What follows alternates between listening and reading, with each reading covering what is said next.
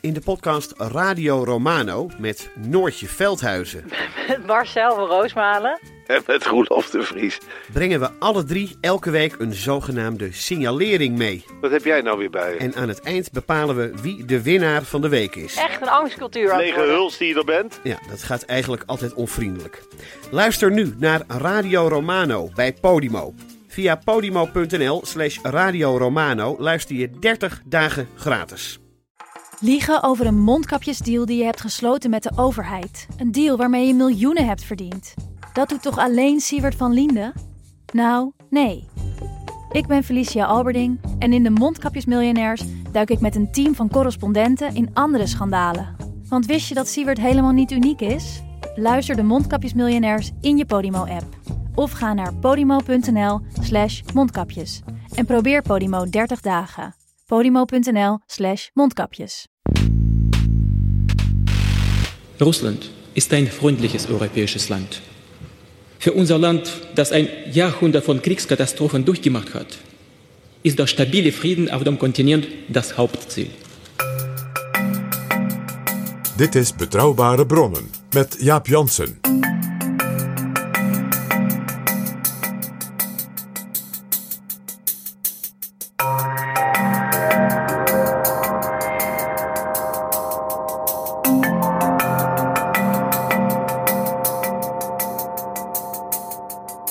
Hallo, welkom in Betrouwbare Bronnen, aflevering 248. En welkom ook PG. Dag Jaap. PG, voordat we beginnen aan deze aflevering, wil ik de nieuwe vrienden van de show welkom heten samen met jou. En dat zijn er de afgelopen dagen zes. Weer nieuwe. Wat is dat toch ontzettend leuk. Ik waardeer dat echt heel erg. En dat geldt deze keer vooral voor jou, Bas, Frans, Theo, Mirjam, Paul en Roy. Dankjewel. En eh, als jij nog geen vriend van de show bent, eh, als jij dus nog niet een donatie hebt gedaan, waardoor wij nog veel meer mooie afleveringen kunnen maken, doe dat dan nu. En dat kan via vriendvandeshow.nl slash bb. Jaap Jansen en Pieter Gerrit Kroeger duiken in de politieke geschiedenis.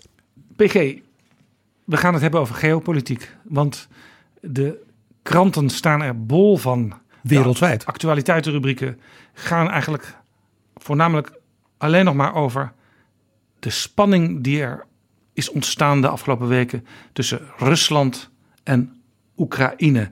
En de afgelopen dagen zagen we Emmanuel Macron op bezoek in Moskou bij Vladimir Poetin. Met die hele lange tafel. Olaf Scholz was op bezoek in Washington bij Joe Biden.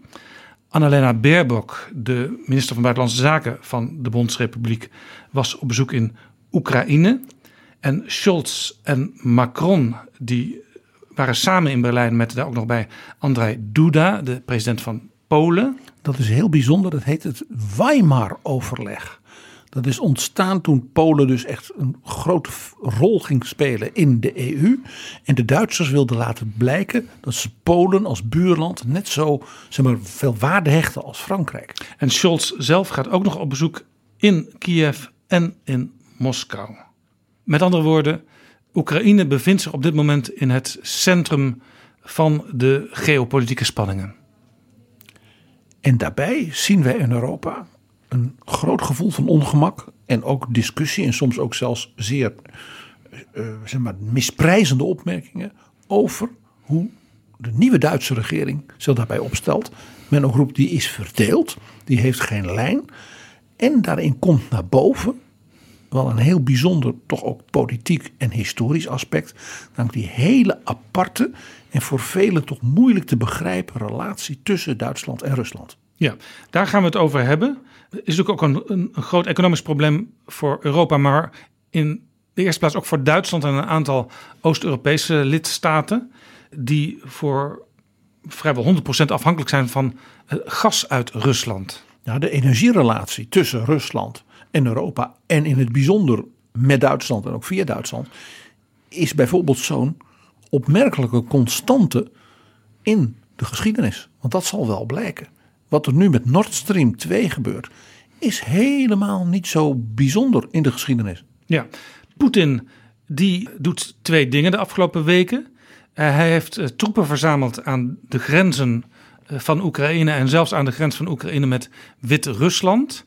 Dus je zou kunnen zeggen, de grens tussen Rusland en de NAVO is opgeschoven eh, naar de grens van de NAVO met Wit-Rusland, met Belarus. Hetgeen natuurlijk lidstaten van het bondgenootschap als Polen, als Litouwen, als Letland de stuipen op het lijf jaagt. En er komt nog iets bij. Weet je wat president Lukashenko van Wit-Rusland bijna in een soort bijzin heeft gemeld? Belarus levert nu ook soldaten in Syrië als vervangers van Russische soldaten.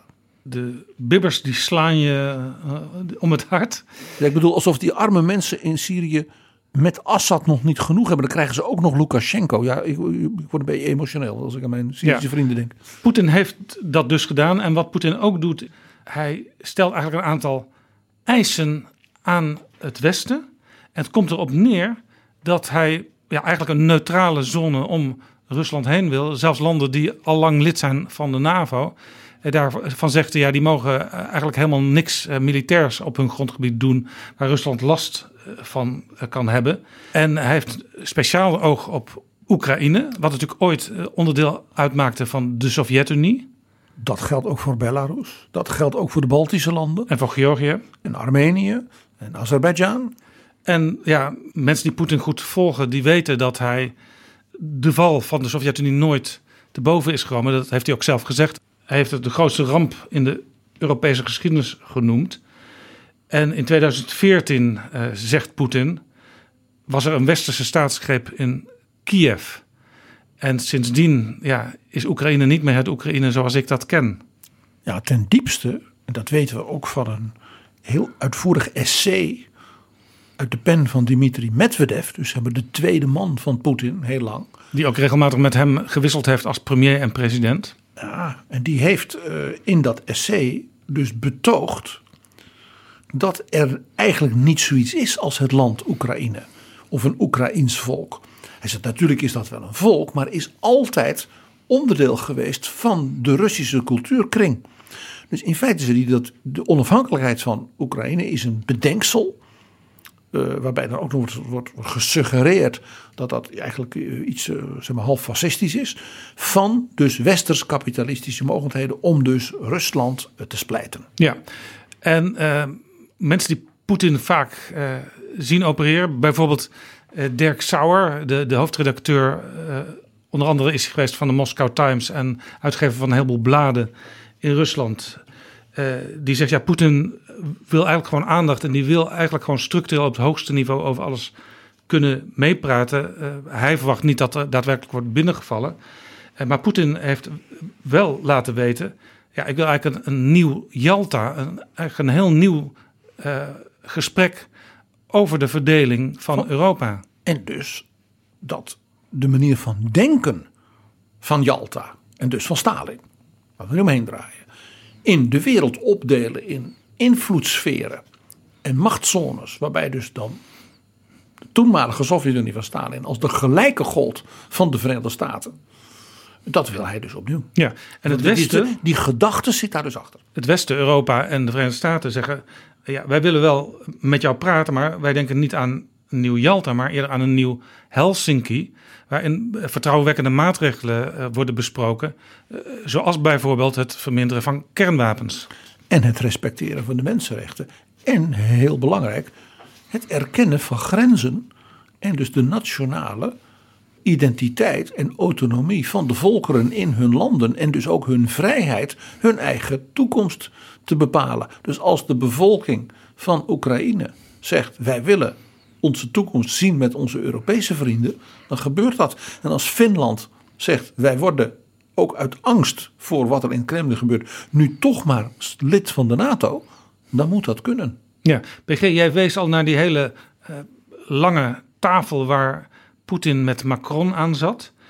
Dat gesprek daar heeft vijf uur geduurd. Uh, heel veel details zijn er niet uit bekend geworden, maar uh, Poetin heeft wel gezegd: het gesprek was nuttig, inhoudelijk en zakelijk. En uh, Olaf Scholz die was bij Biden en Biden heeft over dat gesprek gezegd: we lopen in de pas, Duitsland en de Verenigde Staten.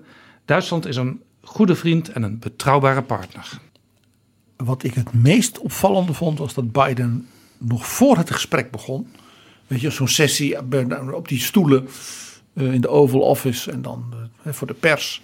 En dat Biden toen zei, nou, fijn dat eh, Scholz er is. En it's obvious that uh, Germany is a very good and old friend. Als iets obvious is, dan hoef je dat op dat moment niet te zeggen. Dat hij het zei, moet al als een veeg teken beschouwd worden. Het was opmerkelijk dat hij dat op dat moment nodig vond te zeggen, ja. We zien dus, als we even naar de Europese Unie kijken, twee hoofdrolspelers. Dat zijn Emmanuel Macron, Frankrijk en Olaf Scholz, Duitsland. Uh, Macron heeft op dit moment het voortouw, maar Olaf Scholz lijkt een beetje langs zij erbij te komen. Want die gaat nu ook naar Moskou en naar Kiev. En dit zijn toch andere verhoudingen dan we natuurlijk de voorbije, nou zo'n zeker tien jaar hadden. Waarbij het toch altijd volkomen helder was. Ook met president Sarkozy, zeker met president Hollande. Dat mevrouw Merkel als kanselier de onbetwiste nummer één was. En ook wel een beetje de, ja, de, de, de leidende figuur. Ook in dat ze de, de, de, de Europese landen tegenover Poetin bijvoorbeeld bij elkaar bracht. En je zou als je kwaad denkt, en waarom zouden we niet kwaad denken... Uh, Poetin ervan kunnen verdenken dat hij juist net na het aantreden van die nieuwe Duitse regering, met die nieuwe samenstelling en die nieuwe bondskanselier, uh, deze crisis heeft uitgelokt, omdat hij denkt: ja, Duitsland staat zwak. Want in de nieuwe Duitse regering zijn ze het over de geopolitiek en zeker over de verhouding met Rusland niet altijd met elkaar eens. Of dat hij dat gewoon maar eens ging uitproberen. En daar was natuurlijk ook een nieuwe Amerikaanse president. Die, zullen we zeggen, niet helemaal op zijn lijn zit. Dus die moest ook maar eens uitgedaagd worden. En natuurlijk een nieuwe en natuurlijk een Franse president die herkozen moet worden. En als je naar de Duitse regering kijkt, dan zie je eigenlijk drie smaken. Tenminste drie, eigenlijk zie je er nog veel meer. Olaf Scholz, die voorzichtig is naar Rusland. Herr Bundeskanzler, Sie werden mitbekommen haben, welche Zweifel es da gibt in verschiedenen Staaten. Ich bin jetzt kein Politiker, aber ich würde mal denken, dass man sowas doch vielleicht durch einen kraftvollen Auftritt eines Bundeskanzlers aus der Welt schaffen könnte. Haben Sie das nicht gemacht, weil Ihre eigene Partei, die SPD, uneins ist über den richtigen Russlandkurs? Die SPD ist sehr einig und sie steht hinter der Politik, die der Kanzler verfolgt. Und die ist sehr klar. Übrigens schon seit sehr langer Zeit und immer wieder sehr präzise beschrieben. Wir haben klar gemacht und klargestellt, ich ganz unmittelbar, dass eine Verletzung der territorialen Integrität der Ukraine nicht akzeptiert würde und hohe Preise hätte für diejenigen, die das machen, für Russland. Mhm. Und gleichzeitig aber auch alles dafür getan, dass jetzt ein Weg gesucht wird, wie wir über Gespräche eine friedliche Entwicklung in Europa möglich machen können. Wissen Sie, viele Bürgerinnen und Bürger dieses Landes fürchten sich davor, dass es tatsächlich zu der Situation kommen könnte, nach der Sie mich gefragt haben, nämlich einem Krieg in Europa. Mhm. Und es ist unsere gemeinsame Aufgabe, mit dieser Doppelstrategie dafür zu sorgen, dass es eben dazu nicht kommt. Daar helemaal tegenover staan de Groenen. En die hebben toevallig ook de minister van Buitenlandse Zaken geleverd, Annalena Baerbock, die eigenlijk een parallele diplomatie voert met Scholz. En eigenlijk keihard aan mensenrechten eisen vasthoudt. En ja, keihard Oekraïne steunt. En dan heb je nog als derde partij de Vrije Democratische Partij, de Liberalen, van onze betrouwbare bronnenvriend Otto Frieke, die er een beetje tussenin staat. want, dat is natuurlijk ook de partij ook van mensenrechten, maar ook ja, de partij van ondernemers die graag zaken willen doen met Rusland. Dat is toch echt de bedrijfslevenpartij. Ik vond een bepaald ding heel opvallend. Uh, ik keek naar de twee zeg maar, persconferenties, gesprekken na de ontmoetingen van het nieuwe Nederlandse kabinet met het nieuwe Duitse kabinet. En het gesprek van Scholz met Rutte was een en al vriendelijkheid en ook ja, zorgelijke situatie, vrijblijvend. Je hoorde dat ze alle twee uh, zeg maar, de dingen zeiden die ze nou ja, zouden, zouden moeten zeggen, zijn laatste persbericht ervoor. Ja, is inmiddels ook een paar weken geleden. En Wopke Hoekstra en Annalena Baerbock traden samen op en dat was spijkerhard. Hoekstra is natuurlijk de directe collega van Baerbock. Ja, en, en, en hier de, laat ik zeggen, in Europa niet altijd uh, zeg maar, bejubelde, soepel diplomatieke toon van Wopke Hoekstra was hier met haar samen ineens een pluspunt. Want die zaten heel duidelijk op één hele strakke ja, lijn. Maar dat werd dus ook meteen een, een echte megafoon. Ja, dat was heel opvallend. En die andere twee, dat was toch meer fluisteren en aftasten. Ja, wat, is, wat vrijblijvend bezorgd doen. Ja. Opmerkelijk. Ja. Overigens is er in de, in de partij van Olaf Scholz is het ook niet koekoek eenzang. Hè? Want ik hoorde Lars Klingbeil, dat is een van de leiders van de SPD. Het is de nieuwe partijvoorzitter, want Scholz heeft ervoor gekozen, hoewel kanselier, niet zelf ook partijvoorzitter te zijn. Ja, je hebt eigenlijk twee hele, naast de bondskanselier, twee hele belangrijke functies in die partij. De partijvoorzitter en de partijsecretaris. En de partijsecretaris is merkwaardig genoeg voor ons in Nederland nog meer de, zeg maar, de echte partijpolitieke politieke figuur die als het ware de lijn van de club maakt. En de partijvoorzitter is wat meer van de organisatie. En eh, wij zouden zeggen de club wat bij elkaar houden. Ja, de partijvoorzitter Lars Klingbeil, die heeft eigenlijk twijfels aan de politiek van Duitsland ten opzichte van Rusland. Hij zegt, uh, we hebben eigenlijk nog steeds geen passende omgang met autoritaire staten gevonden. En ik vraag me af of het concept wat we al decennia hebben van immer meer samenwerking en economische betrekkingen nog past. In Rusland is de binnenlandse situatie de afgelopen jaren dramatisch verslechterd. We zullen het in deze editie er zeker over hebben wat hij zei de voorbije decennia. Want wat hij hier doet is vloeken in de SPD-kerk. Want hij zegt eigenlijk de, de diepe wortels van de SPD-Oostpolitiek van Brandt en in dit verband met het economische gedeelte ook van Schmidt en bijvoorbeeld ook van Frank-Walter Steinmeier als minister van Buitenlandse Zaken en vicekansler is misschien wel aan zijn eind. Dat is dus binnen de SPD uh, vrij uh, gedurfd. Ja, zijn, zijn collega-leider in de partij is een jonge jongen. Hij was voorzitter van de JUSO, de Jong Socialisten, Kevin Kunert. En die heeft een hele andere opvatting.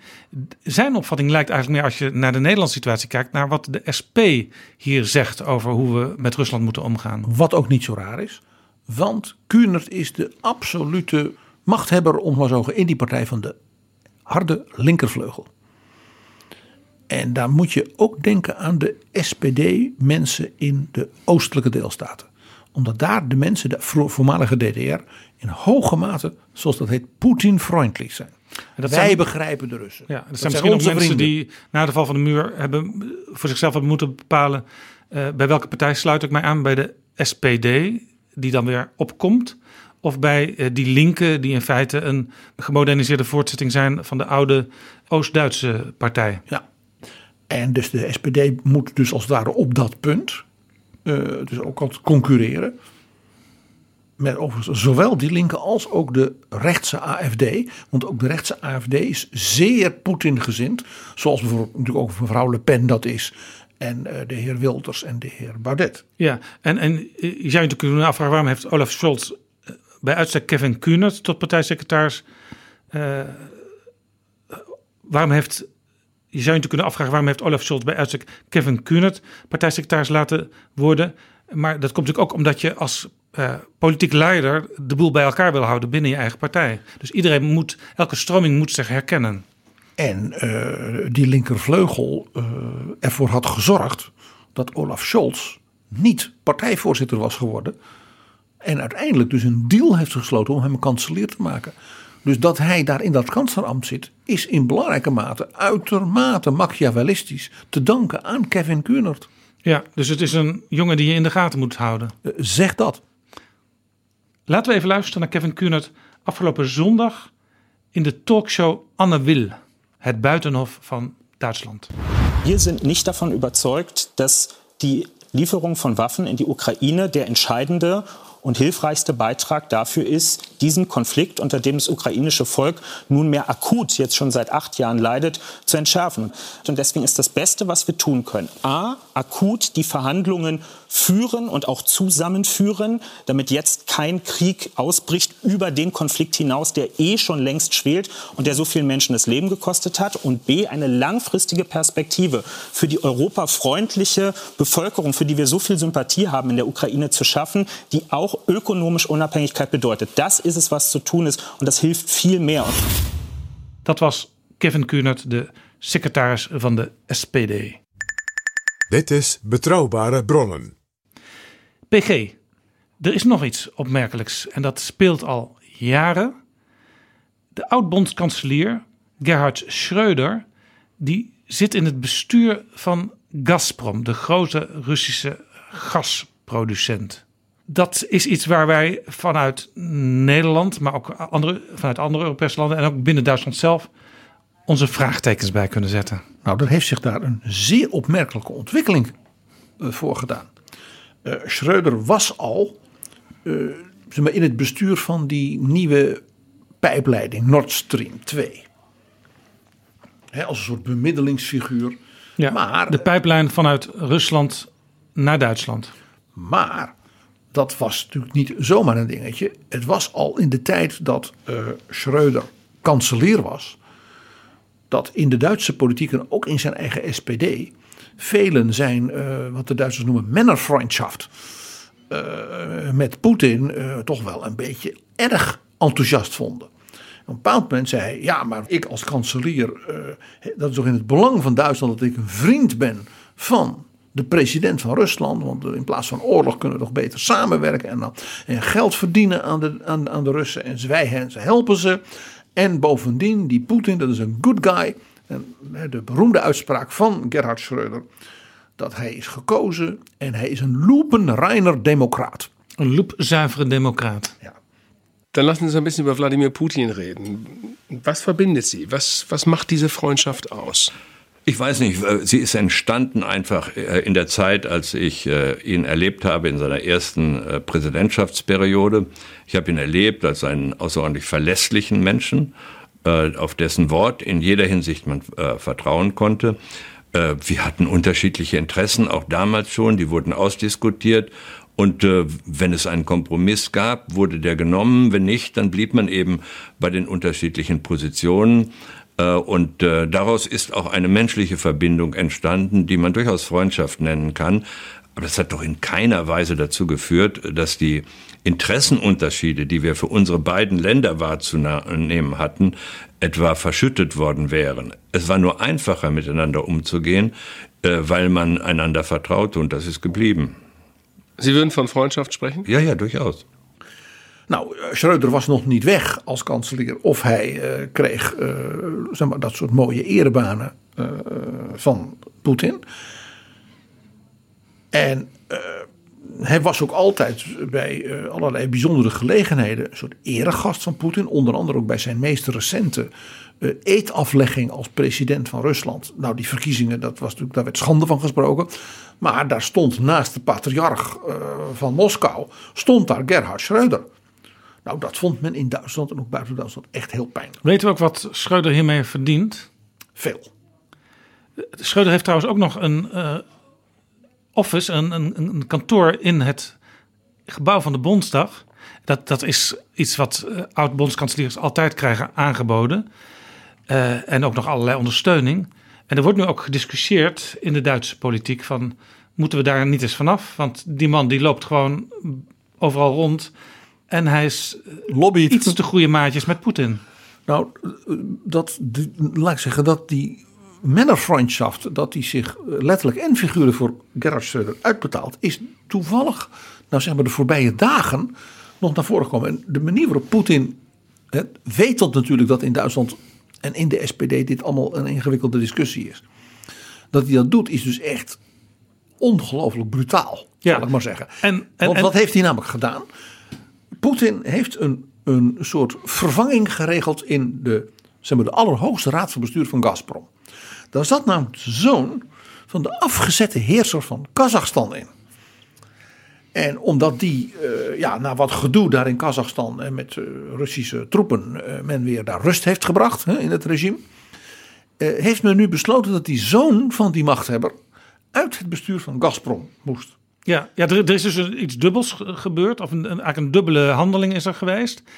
Enerzijds heeft Rusland de, de opvolger van Nazarbayev, dat is die oude machthebber, uh, geholpen. Want de kliek rondom Nazarbayev, die had nog steeds veel touwtjes in de handen.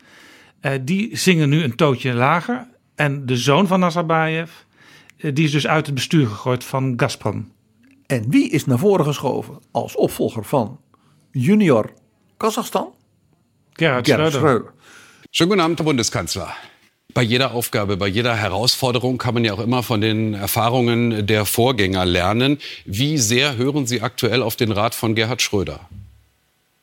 Ich habe ihn nicht um Rat gefragt, er hat mir auch keinen gegeben. Aber er hat öffentlich Rat gegeben und der ist komplett konträr zu allen Fakten und zu dem, was Sie hier sagen. Und in der Welt kommen jetzt zwei Bundeskanzler von der SPD quasi an, ein ehemaliger und ein aktueller, mit komplett unterschiedlichen Messages, Botschaften. Wenn ich die Verfassungsordnung der Bundesrepublik Deutschland richtig verstehe, gibt es nur einen Bundeskanzler und das bin ich. Wij maakten onlangs de opmerking, PG, in ons gesprek met Frans Timmermans. Zou het niet een idee zijn om Gerhard Schreuder als bemiddelaar naar Poetin te sturen? Uh, tussen Duitsland en Poetin. Laten we even luisteren naar wat uh, partijgenoot, sociaaldemocraat van Gerhard. Schreuder, toen zei. De enigen die dit nog kunnen stoppen, zijn niet de militairen in Moskou, maar de andere mensen met grote invloed. Dus de banken, uh, de oligarchen. En als die in de gaten hebben, ja, een avontuur in, in Oekraïne gaat ons ontzettend veel pijn doen en heel veel kosten. Dan kunnen ze misschien op Poetin uh, inpraten. Dus daarvoor, daarom zijn die sancties ook nu, het voorbereiden ervan, zo ontzettend belangrijk. Mag ik een rare suggestie doen? Misschien moet Olaf Scholz Gerhard Schreuder op Poetin afsturen en dat die het hem duidelijk maakt. Uh, ja, dat zou geen suggestie zijn die ik uh, zou volgen. Want uh, Schreuder die is het al met Poetin eens voordat hij naar Moskou vertrekt. Dus ik denk dat, kijk, ik heb, zoals u, u weet, veel met ze te maken gehad. je moet, de enige manier waarop je respect van de Russen krijgt, is als je ferm bent. Ja, PG, zoals je hier uh, Frans Timmermans hoort spreken. Dit is dus een breed levende gedachte in heel de Europese Unie over Gerhard Schreuder. En dit is dus van dezelfde partijfamilie. En Timmermans deed zelfs niet de moeite naar mij om beleefd te zijn over mijn suggestie. Jaap, dit wijst erop dat zeg maar, Duitsland en Rusland, dat dat een verhouding is waarbij een heleboel mensen denken, ja, dat is natuurlijk beladen hè, met de oorlog en zo. Die wij misschien als Nederlanders en als anderen in Europa ook gewoon helemaal niet zo begrijpen. Ja, daar, zit, dus, daar zit dus heel veel achter. En ook diepe historische wortels. Zoals met heel weinig volkeren, uh, grote naties, ja, in Europa überhaupt het geval is. Ja, ja PG, uh, kun je daar misschien in, om te beginnen iets algemeens over zeggen? Hoe komt het dat die Duits-Russische verhoudingen altijd weer zo gevoelig blijken te zijn? Er wordt natuurlijk gezegd dat heeft te maken met de Tweede Wereldoorlog. De Tweede Wereldoorlog is daarin een, mag ik zeggen, een soort laatkomer in de ontwikkeling en de, het gedoe en de trauma's, maar ook de fascinatie en ook de belangenbehartiging en wat dan niet. De Tweede Wereldoorlog wordt natuurlijk genoemd omdat uh, wij uh, nog enigszins uh, een gedachte hebben bij de Tweede Wereldoorlog. Er zijn ook nog mensen die die daadwerkelijk hebben meegemaakt onder ons. Dus dat begrijpt iedereen. Maar er is dus, is dus meer. En dat geldt natuurlijk ook nog voor in Rusland. Daar wordt natuurlijk ook wel altijd de veteranen hè, van de slag bij Stalingrad en wat dan ook nog als oude mannetjes en vrouwtjes gevierd. Nou, hoe diep die verbinding is en hoe ook gevoelig en hoe elk woord en elke herinnering een rol daarbij speelt. Jaap, ik kan geen betere figuur hebben om dat aan te stippen dan Vladimir Poetin hemzelf. Vladimir Poetin. Want? Die sprak op 25 september 2001. Dus precies 14 dagen na 11 september. Als eregast van Gerhard Schreuder. Ruim 20 jaar geleden nu. In de Bondsdag in perfect Duits. Wat zei hij daar? Zullen we even luisteren? Uh, geehrte Kollegen, erlauben Sie mir ein paar Worte über die deutsch-russische Beziehungen zu sagen. Ich möchte das extra betrachten. Russisch-deutsche Beziehungen sind ebenso alt wie unsere Länder. Die ersten Germanen erschienen in Russland zu Ende des ersten Jahrhunderts. Am Ende des 19. Jahrhunderts war die Zahl der Deutschen in Russland an neunter Stelle. Aber nicht nur die Zahl ist ja wichtig, natürlich, sondern die Rolle, die diese Menschen in der Landesentwicklung und im deutsch-russischen Verhältnis gespielt haben. Das waren Bauer, Kaufleute, die Intelligenz, das Militär und die Politiker. Zwischen Russland und Amerika liegen Ozeane. Zwischen Russland und Deutschland liegt die große Geschichte, schrieb der deutsche Historiker Michael Stürmer. Ich würde sagen, dass die Geschichte, genauso wie die Ozeane, nicht nur trennt, sondern auch verbindet. Dat was Vladimir Poetin in de Bondsdag in een rede op 25 september 2001. Tussen Rusland en Amerika liggen oceanen. Tussen Rusland en Duitsland ligt de grote geschiedenis.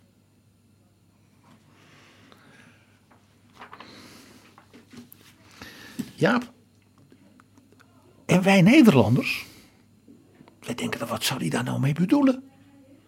Want ons DNA is natuurlijk, hè, zoals Mitterrand ooit zei over Nederland, tromarin, te veel zeeman. Is handel, is mercantiel, is ook koloniaal, is ook dat vingertje in de wereld.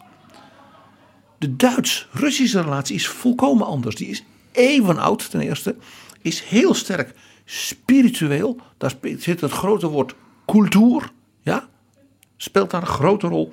Het is geopolitiek, het is dynastiek.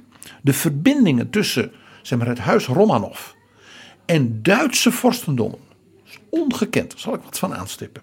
Zelfs Poetin in die speech in Berlijn, in de Bondsdag, heeft het daar uitgebreid over. Zo belangrijk is dat gevonden. Dus dus een typisch continentale relatie van twee landmassa's die elkaar grenzen en waar dus geen water tussen zit. Zoals Poetin zegt, een oceaan tussen ons en Amerika, een geschiedenis tussen ons en Duitsland. Het is eigenlijk alles wat in onze Nederlandse manier van kijken naar Europa en de wereld niet zit, zit daar wel in. En wij denken altijd, ja, trauma's, die oorlog, dat is allemaal, ja waar, maar pas van na 1870, 1890, dat dat is gaan opkomen. Dus dat is net 120, 130 jaar oud van die eeuwen en eeuwen oude geschiedenis. En nog een belangrijk punt om te onthouden. Als je snapt Duitsland, Rusland, of je wilt dat snappen. Dat is een relatie van een bepaald deel van Duitsland. Namelijk het noorden en het oosten van Duitsland. Dat is dus ook Luthers vooral qua cultuur en religie en manier van denken en politiek. En ook gericht dus op de Baltische staten, dus op dat noorden en het oostelijke deel van Duitsland. Het zuidelijke, westelijke deel van Duitsland was natuurlijk katholiek, georiënteerd op de Alpen, ja, een beetje ook Oostenrijk en natuurlijk op Frankrijk. Net als Adenauer, net als Kool. Schreuder is een man van Hannover. Neder-Saxen. Dus als je in dat noordelijke, ook SPD-achtige deel, Lutherse deel van Duitsland. Ja, dus het, dus het zit in zijn genen zou je kunnen zeggen. Scholz, net als Helmoet Schmid, een man van Hamburg. Ook Willy, in het noorden. Willy Brandt, een man van Berlijn, het oosten. Dus, dus die aparte verstandhouding, die dus blijkt ook bij een Kevin Kühnert, maar ook de worsteling van Lars Klingbein en het, nou zeg maar, profiteren door Gerhard Schreuder, is dus, ja, en dat is allemaal SPD, heeft dus ook te maken met dat deel van Duitsland. Kortom, Jaap. Het is dus voor ons Nederlanders met ons, hè, wat ik maar, zal ik maar zeggen, Atlantische mercantiele DNA heel moeilijk te begrijpen. Dus ik ga proberen er iets van te laten voelen en erover te vertellen. En het zit heel, heel diep in de geschiedenis. Hoe diep zit het in de geschiedenis? Ja, we gaan de diepe middeleeuwen in. Duitse ridders, echt ridders, die dan ook de, Duits, de, Teutoonse orde, Duitse orde werden genoemd, die vanuit het gedachte van wij als ridders, wij zijn dappere kerels en wij strijden natuurlijk voor Christus. Wij gaan dus dat Slavische deel van Europa, en dat begon dus daar al in, in die tijd in Mecklenburg. Dus men is als het ware dat oosten, wat wij nu het oosten van Duitsland noemen, Pommeren, Pruisen, ja, is men gaan kerstenen door het te onderwerpen.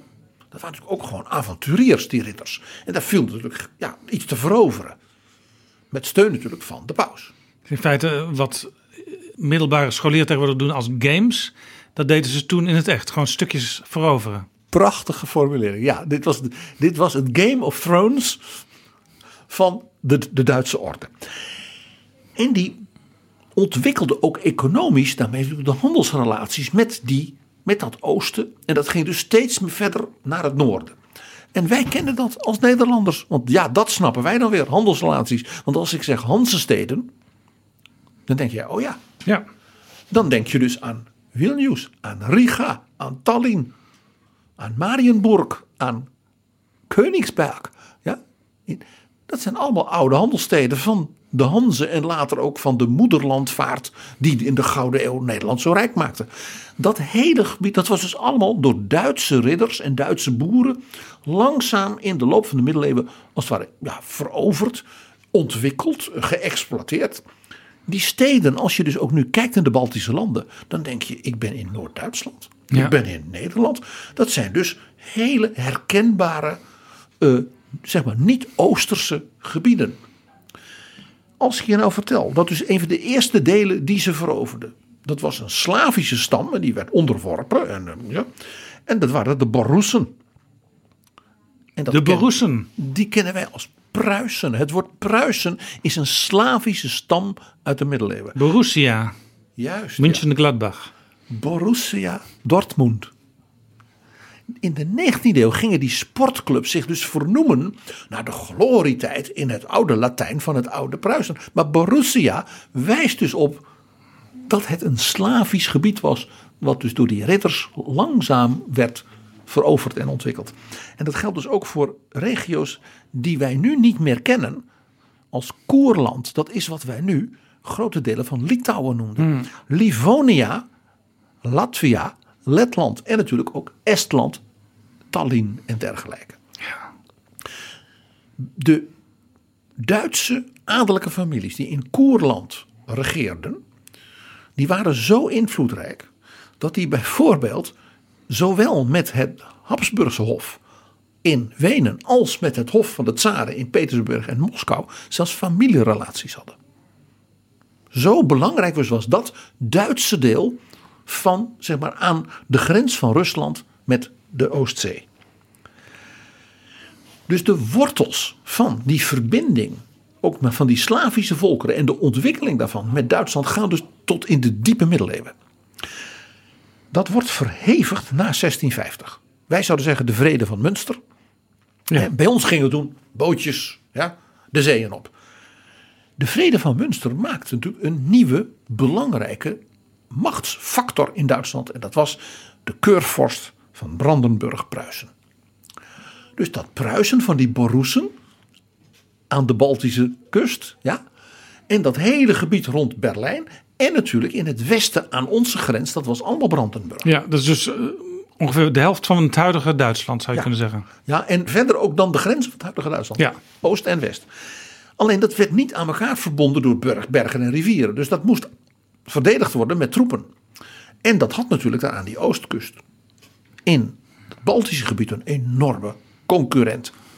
Dat was ook een grootmacht in die tijd. Dat is men nu vergeten. En dat is Zweden. Hm. Denk aan koning Gustav Adolf. Die zelfs in de 30-jarige oorlog heel Duitsland ongeveer veroverde. En Zweden had nog een grote concurrent en vijand in de Oostzee. Je raadt het al. Rusland. De tsaar. Want die wilde natuurlijk dat Zweedse gebied, dus Finland, wat nu Sint-Petersburg was en dergelijke. Ja, dat sloot Rusland op. Geen water, geen havens. Dus Brandenburg en Rusland, dus het hart van het nieuwe Duitse macht in dat noorden en oosten van Duitsland. En de vorst in Moskou.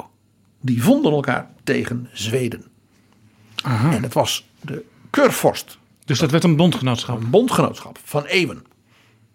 Tegen dus de machten die in de Oostzee, in de Baltische gebied, de concurrent waren. Op handelsgebied waren dat dus de Hollanders. Vergeet dat niet. Maar omdat die band met de Hollanders zo belangrijk was, ook voor de tsaar, wat betreft zijn inkomsten en zijn ja, import van alle mogelijke dingen, bleven ze dus met de Hollanders altijd bevriend. Er was nog een grote vijand van zowel Brandenburg-Pruisen als Rusland. En dat was natuurlijk Polen.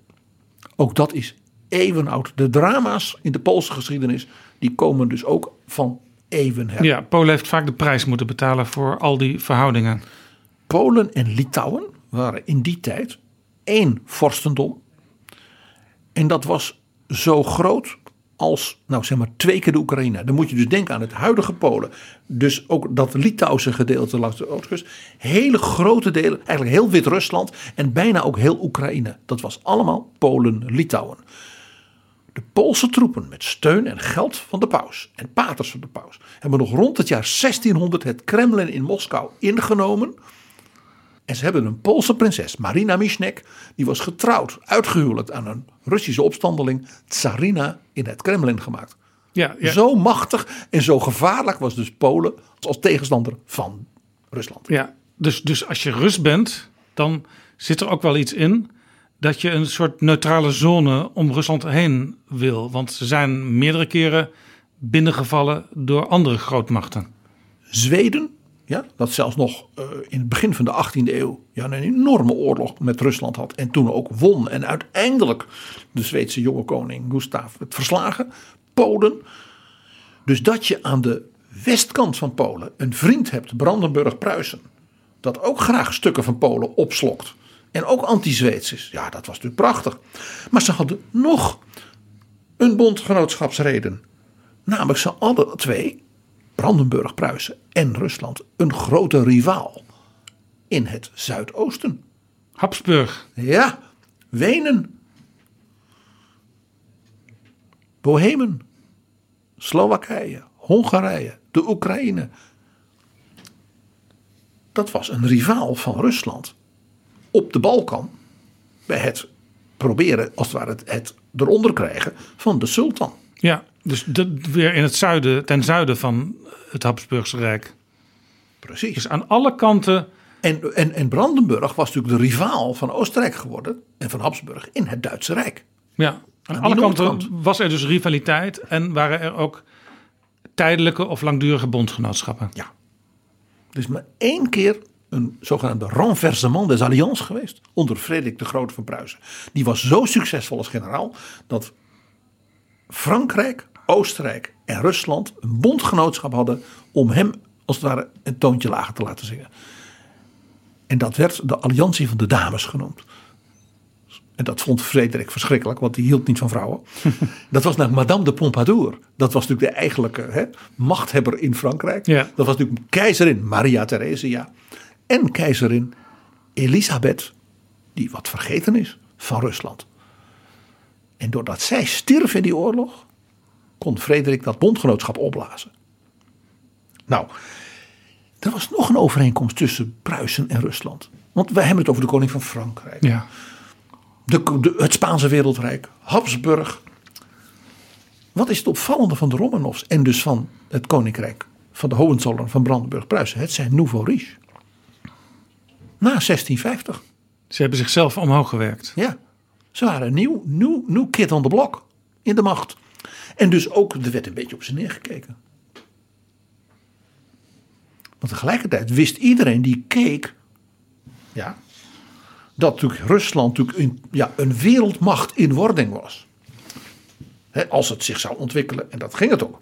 En dat Brandenburg-Pruisen door zijn briljante organisatie, ook mensen als Frederik de Grote, dus briljante vorsten, en dat leger wat ze nodig hadden om al die losse stukjes land te verdedigen, natuurlijk in een supermacht in wording was. En die hadden elkaar ook daarin gevonden. En het beste bewijs daarvan is gebeurd in 1807, 1808. Wat gebeurde er toen? Napoleon had Pruisen militair vernietigd. En sloot een deal met zijn vriend en bondgenoot, tsaar Alexander I. De kleinzoon van Catharina de Grote, die het van zijn grootmoeder had geleerd. En toen zei hij: Ik wil als Frans empereur een klein stukje Polen, dat was een soort onafhankelijk Poolse republiek, uh, uh, als daar uh, onder Franse toezicht was. Maar jij mag al het andere hebben. En Pruisen, ja, die hebben zich tegen mij gekeerd. Ja. En dus ik wil Duitse vorsten die voor mij waren belonen. En jij kan dan al dat, al dat Pruisische ding daar aan die, aan die aan de Baltische kusten krijgen. Wat een droom was van elke tsaar. Ja, eindelijk water. En dat Pruisen, ja, dat, dat, dat heffen we gewoon op. En Alexander heeft toen gezegd, dat gaan we niet doen. Tsaar Alexander heeft toen uiteindelijk Napoleon zover gekregen Pruisen in stand te houden. Hoewel het meer dan de helft van zijn bevolking in zijn land, zijn land, landerijen en alles verloor. Waarom wilde tsaar Alexander dat? Omdat hij dus wist dat dus die, dat bondgenootschap van Brandenburg-Pruisen met Rusland, dus die twee nouveau riche autocratische vorsten, met z'n tweeën Habsburg aankon, Zweden aankon en dus ook Frankrijk aankon. Dus het was misschien ook wel een soort valstrik die door Napoleon was gezet en waar Rusland niet intrapte. En zo is dat ja. Dus Brandenburg-Pruisen, toen dus die 19e eeuw begon en Napoleon ten val kwam en Pruisen dus ineens echt een grootmacht werd in het verdrag van Wenen, had dus reden om met Rusland en de tsaren zeer, zeer bevriend te zijn. En dat is dan ook in die 19e eeuw tot grote bloei gekomen. Daarbij speelt natuurlijk nog iets, ik zei het al heel even. Het huis Romanov, de tsaren en die tsarina's, dat waren helemaal geen Russen. Dat waren Duitsers. Oh, ja. ja, dat waren Duitsers. Vladimir Poetin beschrijft zelfs in zijn speech in Berlijn. Zeer uitvoerig, dus dat gaan we niet laten horen. Het levensverhaal van prinses Elisabeth van Hessen-Darmstadt. Heel klein vorstendommetje. Ja. Dus een Duitse prinses. Waarom pikte Poetin juist haar eruit? Omdat zij heilig was verklaard. En zij was niet uit de, zeg maar, de 15e eeuw. Zij was uit de late 19e eeuw.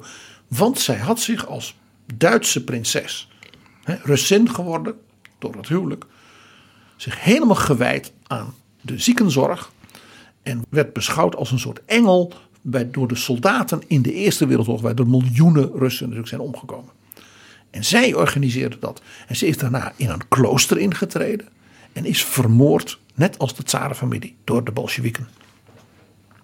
Ze was overigens de tante van prins Philip, de echtgenoot van Queen Elizabeth. Ja, maar, maar waar- waarom ontleende Poetin hier inspiratie aan? Omdat hij dus hiermee wou zeggen, de band tussen Duitsland en Rusland is dus niet alleen heel oud, maar reikt ook tot, tot ja, in tijden van nood, in de Eerste Wereldoorlog en in de revolutie, aan de, ja, aan de grote drama's, trauma's, maar ook de spirituele kant van Rusland Ja. en van Duitsland samen. Ja.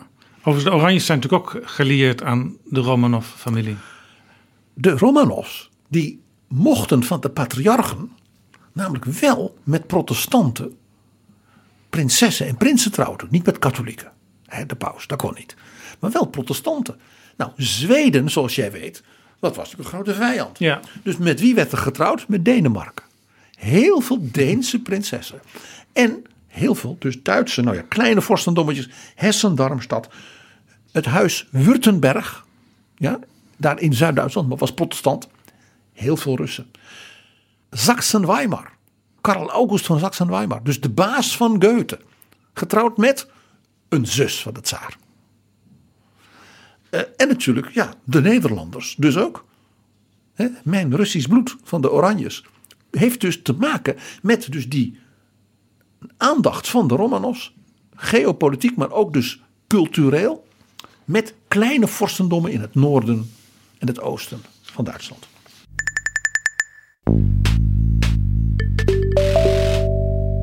Dit is Betrouwbare Bronnen, een podcast met betrouwbare bronnen.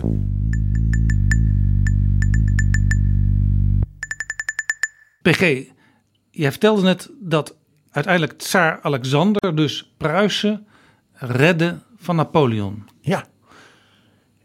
En die had dus de strategische geopolitieke lessen van zijn grootmoeder Catharina de Grote.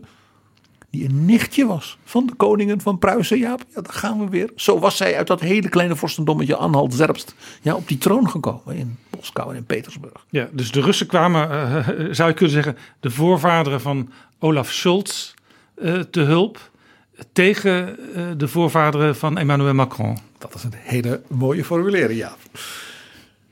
En dat werd dus beloond door Brandenburg-Pruisen, natuurlijk als gebaar naar Sint-Petersburg.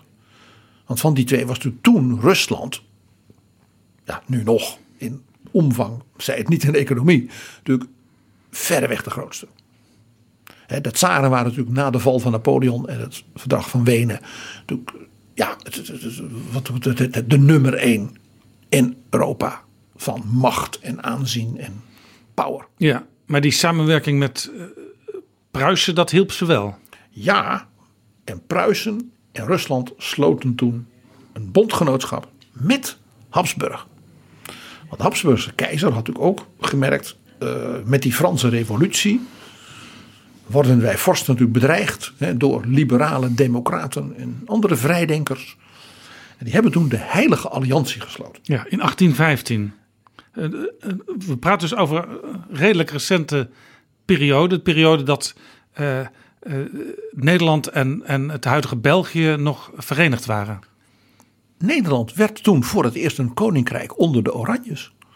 En Willem I was natuurlijk gewoon direct. Uh, ja, die was getrouwd met Pruisen. Was de zoon van de Pruisische prinses. Die hoorde gewoon bij de Heilige Alliantie. Alleen ze waren te klein, te onbelangrijk, uh, pijnlijk ja, om erbij te horen. Ja, dus die, wij werden eigenlijk als een soort buffertje beschouwd voor hun. Ja, helemaal. Twee keizers, die van, van Oostenrijk en de tsaar en de koning van Brandenburg-Pruisen. En ja, als die het in Europa, als die het dus eens waren, nou in het onderdrukken van allerlei liberale en uh, nationale bewegingen en uh, vrij, uh, vrijdenkers en dat soort dingen, nou, dan, was, dan was, het natuurlijk, was het natuurlijk over. Ja, ook, ook hier dus een, een, een anti-revolutionaire houding, een anti-Franse houding. Absoluut. Anti-liberaal. En de Oostenrijkse man die dus het ware zei, nou ja, wij zijn geen vrienden van Pruisen en al helemaal niet van Rusland, maar dit moeten we met z'n drieën doen, was natuurlijk vorst Metternich. Ja. Een detail wat de luisteraar van Betrouwbare bekend zal, zal, voorkomen. De band tussen Pruisen en de Duitse cultuur en Berlijn en Sint-Petersburg, het tsaren was zo nauw dat tsaar Nicolaas, toen hij jong tsaar was geworden, 1825, en zijn broer Alexander, die plotseling was overleden, had opgevolgd. Die zei: Hoe kan ik nou dat Siberië en die Oeral en dat Kazachstan, wat ze allemaal dus veroverd hadden in de tijden daarvoor, hoe kan ik dat exploiteren? We weten er niets van. Ik huur de beste. En jij weet wie je dan inhuurde? Alexander van Humboldt. Natuurlijk, ja. De grote, door de tsaar gefinancierde en georganiseerde ontdekkingstocht. Waar Alexander van Humboldt zijn hele leven van gedroomd had. Ja. Hij kreeg dus allemaal uh, uh, sleeën mee en troepen en uh, hij, hij kon het, geleerden. Hij kon het, het hele rijk en de hele omgeving kon die verkennen. En wat het tsaar wilde was natuurlijk duidelijk. Alles letterlijk en figuurlijk in kaart brengen zoals hij dat dus ook had gedaan in de Andes, in de Amazone en ja, in Amerika. En, en Alexander van Humboldt droomde natuurlijk van één ding. Hij wilde naar de Himalaya. En de Britten hebben dat altijd tegengehouden. Want die dachten als hij in, in Brits-Indië gaat rondkijken. Dan ziet ja. hij hoe dat hoe koloniale bewind. Ja. Uh, en dan gaat hij net hetzelfde doen wat hij in Amerika schreef. Dat slavernij is allemaal moet je niet doen. Dus ze wilden hem daar niet als pottenkijker hebben. Dat is de ware reden. Ja. Maar de tsaar die zei nee, uh, maar u moet vooral in de Oeral. En dan in die, die, die, die nieuwe gebieden. En Alexander van Humboldt heeft toen heel slim. Die wist natuurlijk, die kende natuurlijk die kaart in feite al uit zijn hoofd. Het tsaar niet, maar hij wel. En die heeft toen net heeft hij zich is hij de weg kwijtgeraakt. In Kazachstan. Zogenaamd. Ja. En toen is hij dus in het Altai-gebergte aan dus die noordrand van de Himalaya geweest. Toen heeft hij zelfs overleg gevoerd met de, de heersers van Mongolië en de gouverneur van de Chinese provincie, van wat we nu zagen, waar de Oeigoeren wonen. En dat werd dus door de geheime dienst, want de geheime dienst reisde wel mee met Humboldt. De tsaar werd voortdurend op de hoogte gehouden wat die Humboldt nu weer deed. het blijft Rusland. Ja. En toen werd dus duidelijk dat hij nu toch eigenlijk wel een beetje dus te ver was gegaan. En dat het zijn droom was, dat was oké. Maar eh, hij moest geen diplomatieke onderhandelingen gaan doen straks met de keizer van China. Nou, toen is hij dus weer via de, eh, de, de Kaspische Zee. En heeft dus dat hele gebied als in kaart gebracht. Wat is daar aan delfstoffen? Waar zou je nou ja, bijzondere dingen kunnen opgraven? Eh, waar valt wat te verdienen? Dus die hele industriële expansie van Rusland daarna. Met name ook door de, al die delfstoffen. In die gebieden en aan de Oeral. Is dus weer te danken aan een Duitser. En niet de minste Duitser. Maar dat geeft dus aan hoe intiem die relatie was. Dat je zo'n man dat gewoon liet doen. Ja. Nou, de Heilige Alliantie was natuurlijk een groot succes in 1848. Jaap. Want zowel Pruisen als Rusland hebben natuurlijk met geweld de liberale revoluties in Europa, waar ze nog konden toeslaan, onderdrukt. Ja, ja. Nederland kreeg in 1848 een liberale grondwet. Eh, België had hem al. Ja, maar daar konden ze het nog even van zich afslaan. Bloed gesmoord in Berlijn Maar ook natuurlijk in die arme Polen in Warschau, die natuurlijk helemaal onder de knoet van Rusland toen zaten. En de tsaar heeft ook nog Oostenrijk geholpen om de Hongaren eronder te krijgen. 200.000 Russische cavalerie en soldaten. Dus ook dat is in bloed gesmoord met hulp van de tsaar. En ja, daardoor kon Wenen, kon de revolutie in Wenen ook worden onderdrukt. Ja. Nou, dat geeft dus aan hoe strategisch en ook dus bijna ideologisch men helemaal op één lijn zat. En daarbij bereid was ook andere volkeren in Europa, de Polen, de Hongaren, nou vul maar in, een kopje kleiner te maken. En dan komt er een heel belangrijk moment en dat is 1859. Dan is er een benoeming, wij zouden zeggen een stukje HRM-beleid in buitenlandse zaken van Berlijn. En de koning van Brandenburg-Pruisen, Wilhelm, benoemt een nieuwe ambassadeur van Brandenburg-Pruisen in Sint-Petersburg.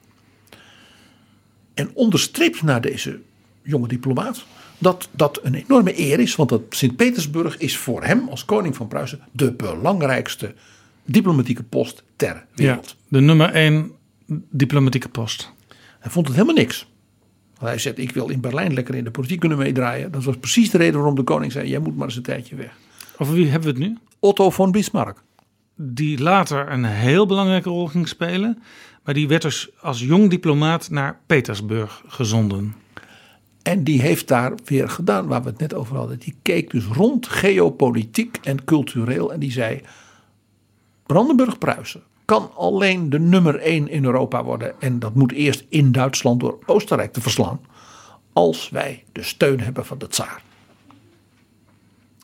Brandenburg-Pruisen en het Rusland van de tsaren zijn twee autoritaire, autocratische bestuurde landen. Waar de adel de baas wil blijven. Het gewone volk zijn plek moet kennen. Waar de industriële en economische, technologische ontwikkeling enorm is. Hè? Mede dankzij onder andere het werk van Humboldt. Maar we moeten dus de mensen wel eronder houden. En dat betekent dus krachtig, autoritair, waar nodig repressief besturen. Bismarck werd zeer populair in Sint-Petersburg. Waarom? Omdat hij briljant was. En omdat de Romanovs Duitsers waren. Als ik je nou vertel dat Tsaar Alexander II die ook wel in Rusland de bevrijder werd genoemd, omdat hij de slavernij heeft afgeschaft. Dat hij om met Bismarck te kunnen converseren, ook in de privésfeer, met hem Duits sprak. Dacht jij dat een tsaar van Rusland met de ambassadeur van Engeland Engels sprak? Ja, maar het was dus ook een, een, een familietaal. Ja. En we weten dat bij de etentjes die de tsaar organiseerde, Bismarck tussen hem en zijn vrouw de tsarina zat omdat hij zo geistreich, zo intelligent, zo charmant, zo briljant in zijn conversatie was. En politiek zo slim. Ja? En dat Sarina was ook een hele slimme vrouw. Dus die genoten van die conversatie. Bismarck was gewoon de nummer één van het corps diplomatiek in Sint-Petersburg. En dat maakte zijn politieke carrière. Want na drie jaar werd hij naar Berlijn teruggeroepen. En de kanselier van Pruisen gemaakt. Ja. En dat is hij gebleven. Eerst van Pruisen en daarna 1871 van natuurlijk het Duitse Rijk. Want ze hadden Oostenrijk verslagen en kregen daarbij de steun van Rusland. Dus zijn strategie was uitgekomen. Bleef hij dat ook natuurlijk tot 1890, dus bijna 30 jaar lang, Rijkskansler. Ja, ja, we kennen allemaal het plaatje. Ik had het in mijn geschiedenisboekje staan vroeger. Van de loods die het schip verlaat na die bijna 30 jaar. Als hij dan ontslagen wordt. In die 30 jaar had hij een, ja, wij zouden zeggen, een vriend en collega, met die hij dus al kende uit zijn diplomatieke tijd in Sint-Petersburg. En dat was Vorst Gorbachev. Gorbachev? Ja, en die was de minister van Buitenlandse Zaken van de Tsaar. Ah. En die, ja, dat waren vrienden, die mensen kenden elkaar. Ja, die kwamen met elkaar over de vloer, letterlijk. Ja, als je, als je op de naam Gorbachev googelt, moet je even verzoeken. En dan vind je hem. Maar het beroemde vodka-merk Gorbachev is dus van de landerijen. Van zijn familie? Van de familie van Fürst Gorbachev. Niet van Michail en Raisa Maximova. Nee. En Bismarck is de maker toen Duitsland dus verenigd was tot een nieuw keizerrijk. En Oostenrijk er letterlijk uitgesmeten was, om even wel hard te zeggen. Van de strategie van wij moeten dus het Duitse keizerrijk en het Russische tsarenrijk, als het ware als een duo, eh, eh, eh, ja, laten optreden. Want dan zijn wij gewoon met z'n tweeën de baas. Ja. Laat die, die Engelsen met die bootjes, dat is allemaal verder prima. En die Hollanders met hun bootjes. Maar Rusland en Duitsland, autocratisch geregeerd. En natuurlijk met Bismarck als stratege, want zo zag hij zichzelf natuurlijk wel. Dan komt het goed. Maar hij moest natuurlijk ook met Oostenrijk vrede hebben. Want Oostenrijk moest natuurlijk niet de bondgenoot van Frankrijk worden. Nee. Dan had je dat probleem in Duitsland. Ja. Dus Bismarck heeft toen een soort drie keizersbond gedaan. Maar daarbinnen zat een soort geheime eh, ja, eh, side letter. En die werd het Rückversicherungsvertrag genoemd. Het Rückversicherungsvertrag? Het klinkt als een soort autoverzekering. Hè? dat was dat dus Pruisen en Rusland aan elkaar beloofden dat als er een conflict zou zijn in de Balkan, waarbij Rusland dan de Turken kon aanpakken en daarbij dus de belangen van Oostenrijk in het geding kwamen, dat Pruisen dan neutraal zou zijn. Oh, die keek even de andere kant op als het zo uitkwam. Precies zoals er gebeurd was in de Krimoorlog. Want Bismarck, dat weet je, moest niets hebben van militaire avonturen op de Balkan. Hmm. Of in de Oekraïne of in koloniën. Hè? Dat hij zei, een, zo'n stuk woestijn in Afrika is niet één bot waard van een Pommerse grenadier. Ja, ja. Het, het was al ingewikkeld genoeg om eh, Pruisen goed te regeren en veilig te houden van vreemde invloeden. En dat nieuwe Duitse keizerrijk te vestigen en als ja, dat ongelooflijk snel groeiende economisch ja, exploderende. Hè, dat Duitsland was van een vrij achterlijk agrarisch gebied natuurlijk in Heel 50 snel, jaar ja. de absolute nummer één van de wereldeconomie geworden.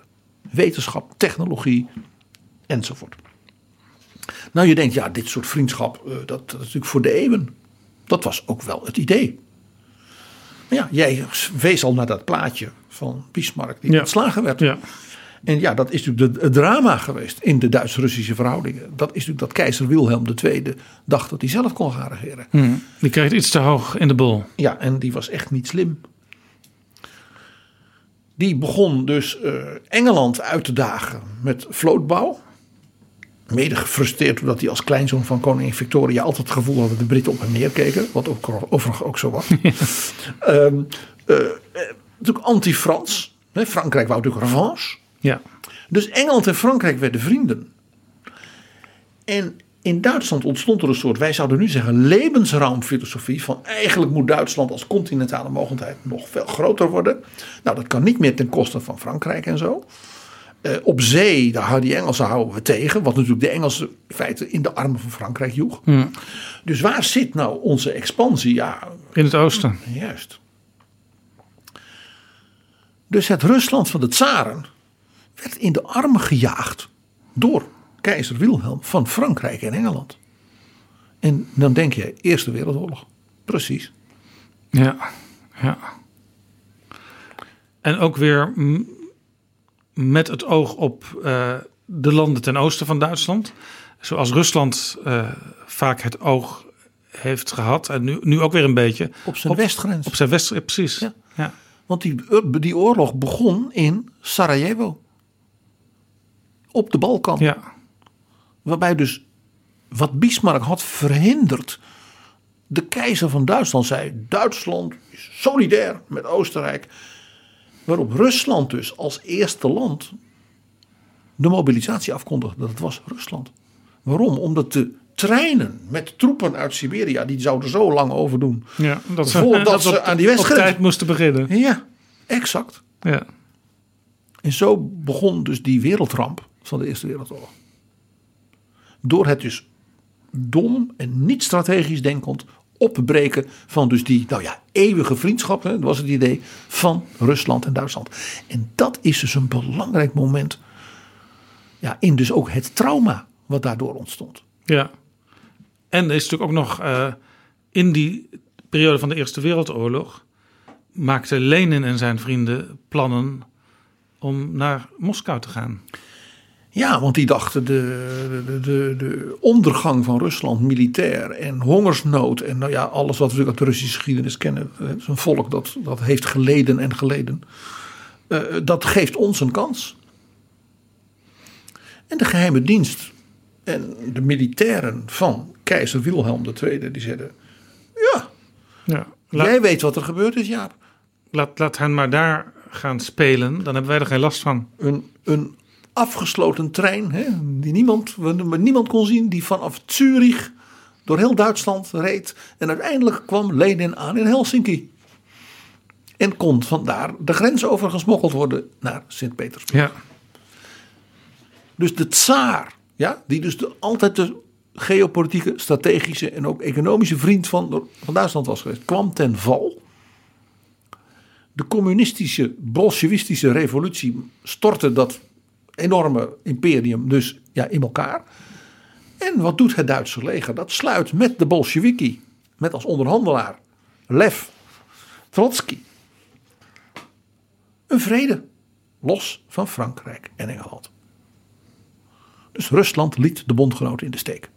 En zo werd dat ook ervaren. Ja, ja. Duitsland hielp uh, regimewisseling in Moskou.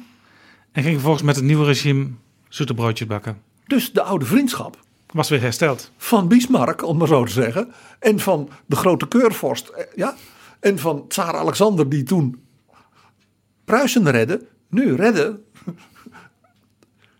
de Duitse Weermacht. Ja. Rijksweer redde Rusland. Namelijk dat van Lenin en Trotsky. De Bolsjewieken die gingen ervan uit. Die zeiden, kijk, de wereldrevolutie komt. De arbeiders in Europa komen natuurlijk allemaal in opstand tegen die vorsten. Dus die hebben als het ware de Duitsers alles gegeven wat ze wilden hebben. Om maar vrede in Rusland te hebben. Zodat ze dan de boeren en dus, eh, de arbeiders ja, als het ware voor het regime konden winnen. In plaats van dat ze allemaal gingen sneuvelen. Ja. Dus de Duitsers kregen Oekraïne en, en dat hebben ze allemaal ook bezet. Dat, dat, weet- dat weet niet iedereen, maar het, het Duitse leger aan het eind van de Eerste Wereldoorlog stond op de Krim. En voor de poorten van eh, eh, Leningrad, net als later de Weermacht van Adolf Hitler. Nou, dat re- regime van Lenin overleeft. Zo niet dat van Wilhelm II. Hè, die ging hout hakken in Doorn. En je zou denken, ja, dat was natuurlijk voor dat nieuwe democratische Duitsland natuurlijk wel even een dingetje.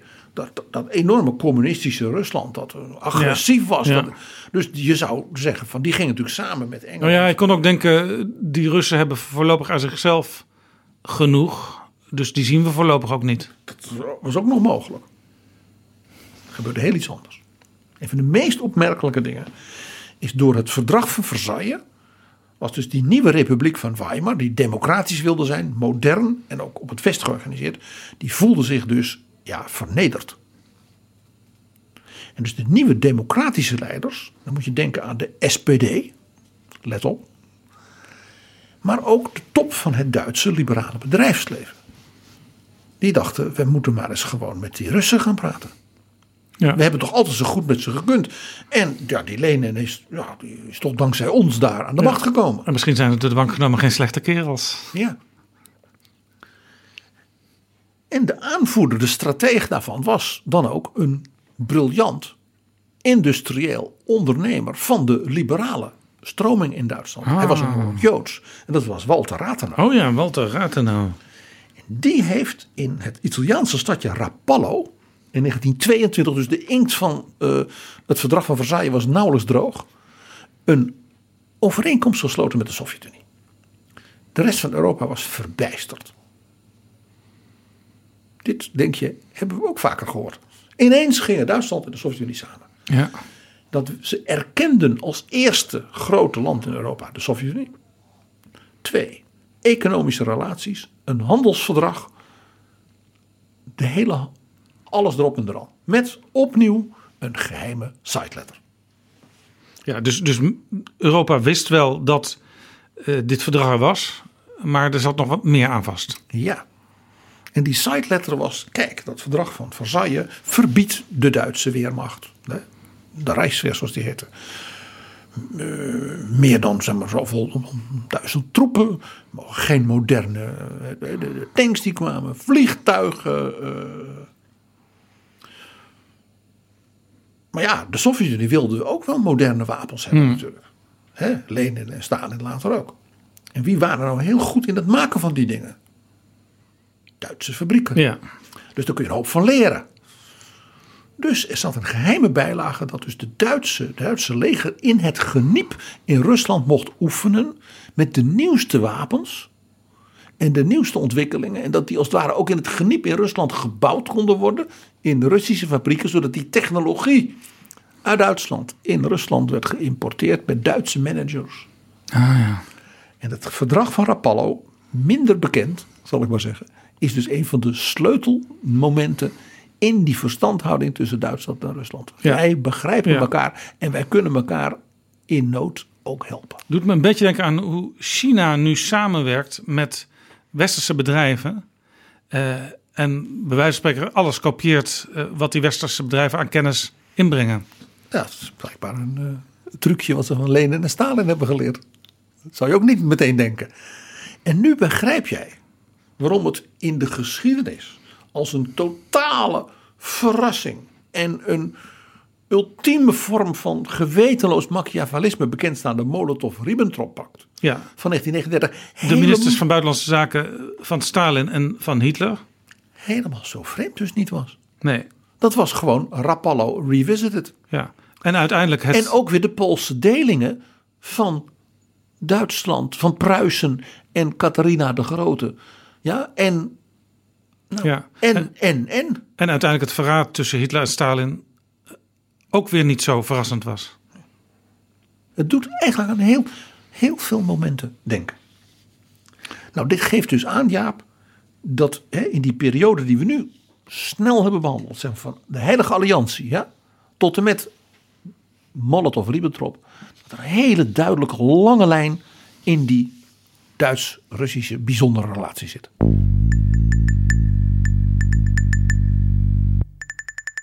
PG, de relatie tussen Duitsland en Rusland heeft dus diepe culturele en spirituele wortels. Jij verwees al een paar keer naar een reden van Poetin, nu ruim twintig jaar geleden, een reden in de Duitse Bondsdag. Had Poetin het daar ook over die wortels? Luister maar, Jaap. Wie ein guter westlicher Nachbar verkörperte Deutschland oft für Russen Europa. Europäische Kultur, technisches Denkvermögen und kaufmännisches Geschick. Nicht zufällig wurden früher alle Europäer in Russland Deutsche genannt. Und europäische Siedlung in Moskau der deutsche Vorort. Dat was Vladimir Poetin. Die zegt dus voor de Russen, en dan heeft hij het over de Russen in de 15e, 16e eeuw, waren Europeanen Duitsers. Niemcy. En de, de, het gedeelte in Moskou, waar dus de buitenlanders, de Europeanen, mochten wonen, een soort ghetto dus, dat heette gewoon de Duitse voorstad. De Duitse voorstad. Dus ook de Nederlanders, de Britten, ja, die in die tijd naar Rusland kwamen om handel te drijven en via de Kaspische Zee en Perzië ook in Azië handel te drijven, was een hele belangrijke handelsroute. Die werden beschouwd als Duitsers. Ja, en die kwamen allemaal daar te wonen. Dus dat geeft aan hoe ja, Europa was Duitsland. En Duitsland was Europa. Dat zegt hij natuurlijk in de Bondsdag. Dat is natuurlijk, hè. Maar hij zegt het niet voor niks. Andersom zagen wij al natuurlijk hiervoor. Tsaar Alexander redde Brandenburg-Pruisen. De Russen kwamen met hun troepen en Tataren en versloegen Napoleon en trokken door heel Duitsland om Napoleon in Parijs ja, te belegeren. De Duitsers zagen de Russen dus als bevrijders van de Franse overheersing. Ja. En dus daarmee ook van de rationele liberale dictatuur van de Franse revolutie. De Russen waren niet liberaal. De Russen waren een volk van warme, zuivere gevoelens. De Russen hadden een ziel. Ze waren groots. Ze waren ook romantisch. Ja? Ze kwamen uit verre steppen en ze kwamen ons bevrijden. En ze hadden heel veel diepgang. Niet al dat rationele. Nee, het was dus heel. De, de, Russen waren een romantisch volk. Zoals de Duitsers zichzelf natuurlijk ook als een volk van een cultuur en zelen zien. Ja, we moeten dus, eh, als we even naar het heden gaan, de, de Frans-Duitse samenwerking in de Europese Unie, eh, dat moeten we als iets heel recents zien. Dat is een verzoeningsproject van na 1945, 1950. Ja, de, de logica, de historische logica, ligt meestal in de relatie Duitsland-Rusland als je naar Europa kijkt. Kijk nou in die 19e eeuw. Dus de Duitse cultuur. Ja, en dan de eenwording van Duitsland. Dat ze, zien, wij zijn als het de nummer één in Europa. Bildung, kunst en literatuur. Wat was de enige die ze als het ware als gelijke zagen? De Russische. Dostoevsky. Uh, ja, Pushkin. Eindeloos in Duitsland vertaald. En de Russische vertaling natuurlijk van de grote Duitse letterkunde. En laten we ook niet vergeten, er was natuurlijk één duo Duitsers. Ja. Dat in Rusland natuurlijk vereerd werd. In de Sovjet-Unie Marx en Engels. Want wat zeiden de Russen, de Sovjets? Wij maken de grote Duitse filosofie, Kant, Hegel, Marx, Engels, die maken wij waar. Ja. Wij zijn de volstrekkers van het genie van dus de Duitse wetenschap, de Duitse cultuur. Dus in feite de, de door Duitse denkers bedachte maakbare samenleving werd daar uitgevoerd. De economische wetten, de sociale wetten, de, de, de, de toekomst, de toekomstvisioen van Marx. Dat werd als het ware waargemaakt door de Sovjet-Unie. Ja, en de Sovjet-Unie kon op dat moment dus ook claimen: wij zijn een moderne staat. Ja, en in zekere zin, wij zijn dus het ideaal van de, het Duitse filosofisch idealisme als school van de 19e eeuw. Vanaf dus de verlichting in Duitsland. Geen geringe claim. Ik heb hier voor mij liggen, Jaap, van Thomas Mann, zijn prachtige essay door Thomas Mann, geschreven als herinnering aan de honderdste sterfdag van Goethe. Een, een origineel exemplaar zie ik, PG. Eerste, eerste druk.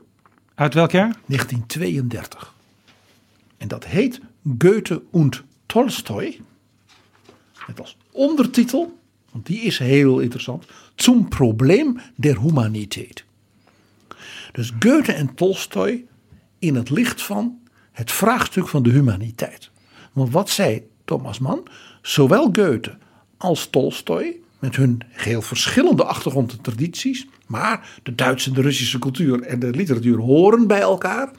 Want vanuit een verschillend oogpunt, Goethe vanuit de 18e eeuwse verlichtingsdenken, Tolstoj vanuit de diepe Russische ziel en het orthodoxe geloof en het christendom, zijn beide de bepleiters en de iconen van de menselijkheid van het, met, hoe mensen met elkaar omgaan.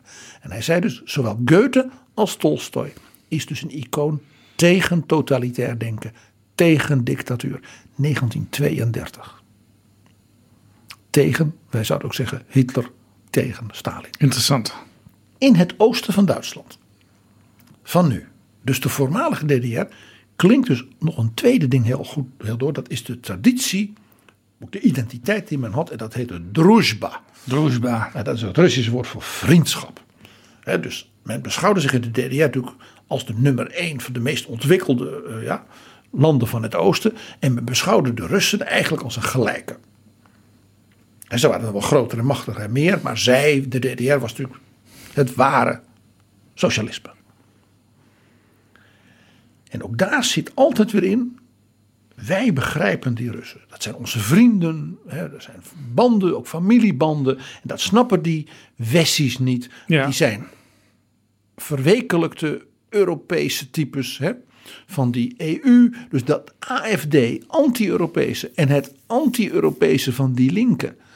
En dus het nou zeg maar neutralistisch. want die twee partijen, zowel die linken, de voortzetting zou je kunnen zeggen met andere middelen van de SED, als eh, de extreemrechtse AFD, die halen ook de meeste stemmen in het oostelijk deel, dus de voormalige DDR. Ja, daar zitten hun, hun hoogborgen, zoals dat heet, electoraal.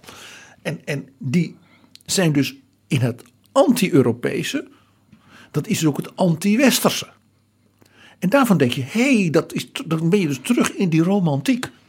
Ja. Van de Duits-Russische warmte, die zelfs Thomas Mann nog, maar dan antidictatoriaal, antitotalitair omsmeet in dat briljante Ja, essay. en, en, en dat, het is misschien te veel eer voor Vorm voor Democratie, maar dat boreale denken, dat zit ook een beetje in die richting. Volstrekt, want dat komt van natuurlijk de, de ideologen achter Poetin, als Alexander Dugin. Dus dat hup Poetin in het Ossi-deel van Duitsland en ook in de partijen die daar sterk zijn, heeft dus ook, is ook onderdeel van die ongelooflijke diepe culturele politieke wortels. PG, we hadden het al over het Molotov van Ribbentrop-pact en de Tweede Wereldoorlog. En eh, ik verwees al naar de samenwerking tegenwoordig in de Europese Unie tussen Frankrijk en Duitsland. De, de as, eh, als die niet werkt, dan werkt er eigenlijk niks in de Europese Unie. 1945 zou je kunnen zien, na die verschrikkelijke oorlog, als een sleutelmoment. Is daarna alles anders geworden?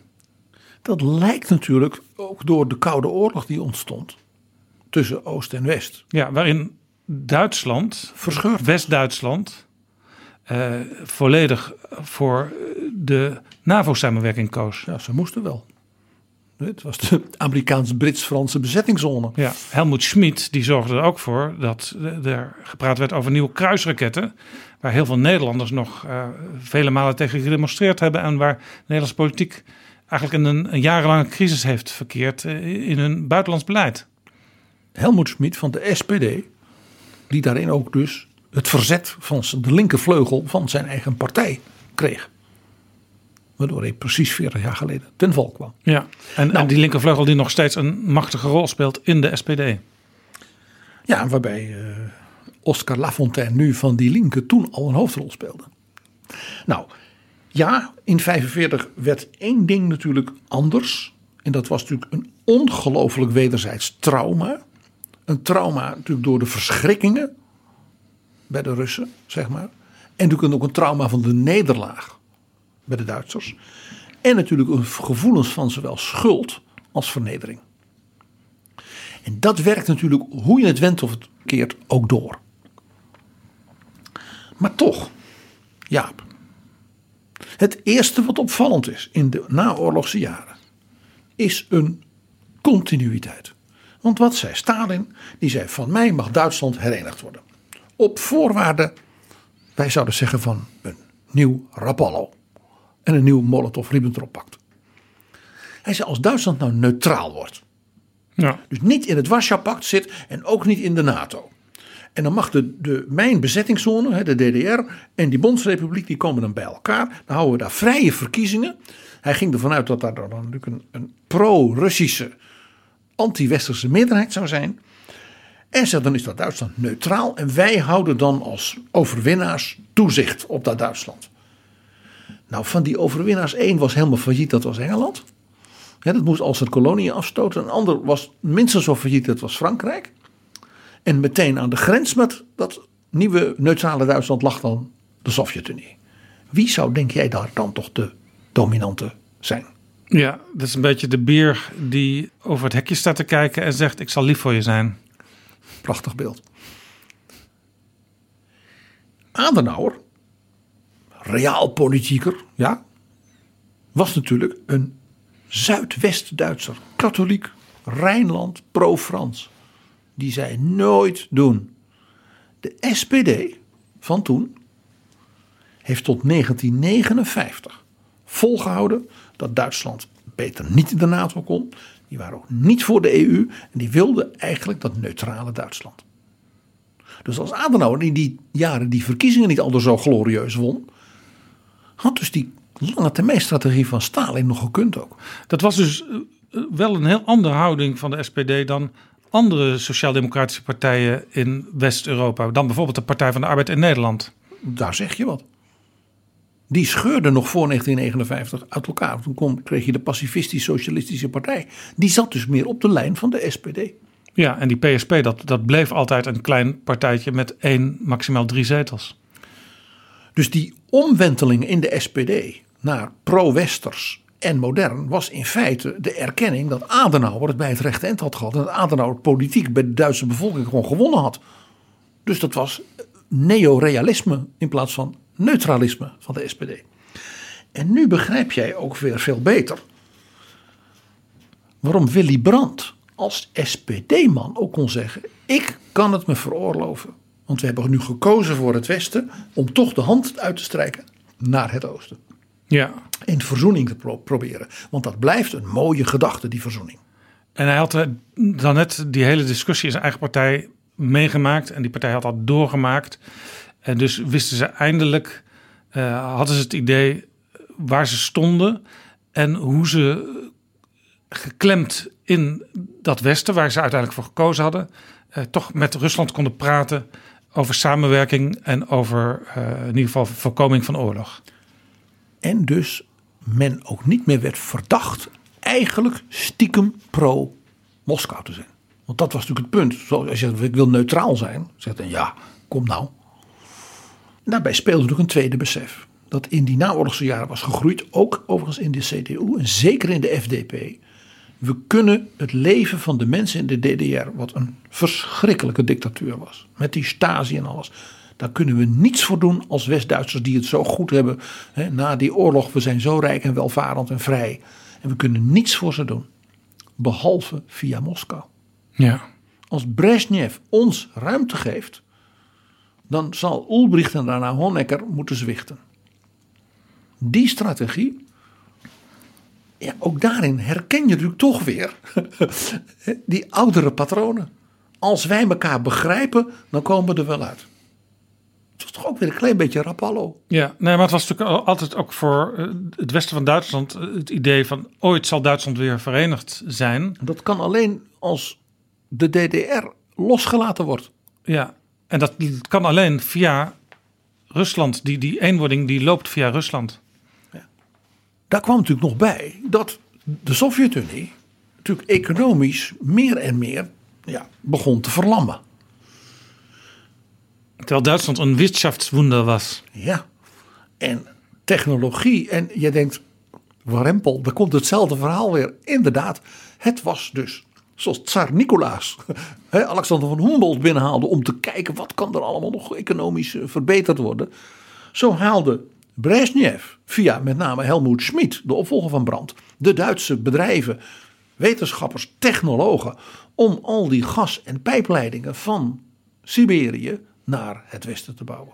Ja, waar nu Nord Stream 2 een, een opvolger van is. Waar dus ook weer het een soort Duits-Russisch ja, gemeenschapsproject is. Waar anderen van zeggen, ja wacht even. Maar dan gaan al die harde D-marken en nu dus harde euro's. Hè, van de bank in Frankfurt. Die gaan dan dus naar Poetin. Daarvoor dus naar Brezhnev. En daar gaat hij allemaal raketten van bouwen. Ja, vandaar dat ook de grote eh, dreiging nu voor Poetin is. Dat mocht hij echt iets doen in Oekraïne. Eh, echt binnenvallen. Eh, dat dan onmiddellijk economische en financiële sancties volgen. Met hoogstwaarschijnlijk ook doorbreking van het SWIFT-systeem, waardoor allerlei betalingen niet meer kunnen plaatsvinden. Wat meteen terugslaat op de elite van Poetin en zijn trawanten. En weet je dat ook dat weer helemaal niet iets nieuws is? Er was namelijk een Amerikaanse president die tegen Helmut Schmidt zei: ja, dat is wel mooi met die, die, die, die, die, die bedrijven van jou. Ja, dat is Duitse technologie. Dat is made in Germany. Er is niet beter. Natuurlijk willen ze dat hebben. En jij geeft ze ook nog kredieten. Want dan kun je de werkloosheid in de industrie in Duitsland uh, verlagen. En dan win je de verkiezingen. Ik wil dat je daarmee stopt. Ik wil dat jullie niet meer die Russen hun betalen voor hun gas. En ook stopt met die pijp pijpleidingen. En jij weet welke president dat was? Reagan. Ronald Reagan. Een republikein. En ja, je kunt een hoop zeggen. Maar hiermee bewees Ronald Reagan vele jaren eerder dat hij geen Trump-man was. Hij zit meer op de lijn van Biden. Of Biden zit meer op de lijn van Reagan. Tegenover de Duitsers en Europa. Is dat niet opmerkelijk? En dus eigenlijk ook meer op de Amerikaanse traditie als het gaat om geopolitiek. En Trump was in zekere zin een uitzondering. Zo is dat. Nou, uh, we hebben natuurlijk vaak nog over Helmut Kool gehad. Zijn bijzondere ja, band uh, in de wiedervereinigung natuurlijk met uh, Michail Gorbachev. En zijn männerfreundschaft, om het woord weer te gebruiken, met Boris Yeltsin. Samen een goed glas drinken en dan in de, in de sauna, hè, de banja zitten. En daar dan dingen regelen. En wat was dat regelen? Jullie laten de DDR gaan. Jullie hebben uh, kredieten nodig om die ingestorte economie. Wij betalen. Een nieuw Rapallo. En in dat opzicht was dus Helmut Kool, hoewel hij een totaal andere figuur was, een beetje een nieuwe Walter Rathenau. Ja. En werd dus ook op dat punt door anderen in het Westen, bijvoorbeeld mevrouw Thatcher, maar ook wel zelfs een beetje zijn vriend Mitterrand, gewantrouwd. Zoals Rathenau natuurlijk ook werd gewantrouwd. Ja, PG, eh, we hadden het helemaal aan het begin van deze aflevering over de verdeeldheid in de nieuwe Duitse eh, regeringscoalitie. Eh, er is nog een, een, een andere partij natuurlijk, een andere grote partij. Dat is de partij van Angela Merkel, de CDU-CSU. Waar staat die in dit verhaal? Kijk, de CDU-CSU was natuurlijk uh, in de jaren zeventig van polarisatie fel tegen die Oostpolitiek van Brand. Ja, zij wilden die, dat westerse bondgenootschap wilden ze benadrukken en nog verder verstevigen. En ze zeiden, dus, we gaan kijken dat we net als in de jaren 50, dus in de tijd van Adenauer, dat dus die linksen, die SPD, Duitsland dus gewantrouwd maken als neutralisten. Ja, eigenlijk maakten ze daarmee de SPD, die net gedraaid waren, verdacht van jullie zijn niet helemaal te vertrouwen daarin. Dat was ook precies natuurlijk het punt. Het was uh, hard tegen hard. Zoals dat in de Duitse politiek nu eenmaal gebeurt. Een tweede punt was natuurlijk dat mevrouw Merkel uh, als oppositieleider, want dat is iedereen wel eens te vergeten, tegen Schreuder. Natuurlijk ook tegen de Schreuder was, die met zijn vriend Poetin tegen president Bush was. Ja, want dat was, dat was toen al te zien ook. Nou ja, kijk maar naar dat bezoek van Poetin aan de Bondsdag, waar Schreuder natuurlijk in het regeringsbankje zat.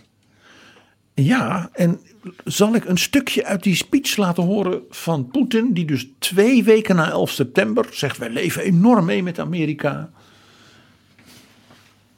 En let op wat hij dan zegt. Laten we luisteren. Niemand bezweifelt den großen Wert der Beziehungen Europas und der Vereinigten Staaten. Nur bin ich einfach der Meinung, dass Europa sicher und langfristig den Ruf eines mächtigen und real selbstständigen Mittelpunkt der Weltpolitik festigen wird, wenn sie ihre eigenen Möglichkeiten mit den russischen menschlichen, territorialen und Naturressourcen, mit dem Wirtschafts-, Kultur- und Verteidigungspotenzial Russlands vereinigen wird. Die, die ersten Schritte in diese Richtung haben wir gemeinsam, gemeinsam schon getan. Jetzt ist an, der Zeit, ist an der Zeit daran zu denken, was zu tun ist, damit das einheitliche und sichere Europa zum Vorboten einer einheitlichen und sicheren Welt wird. PG, wij horen hier Poetin dus zeggen dat Rusland in de toekomst van Europa een sleutelpositie moet innemen, want anders wordt het helemaal niks.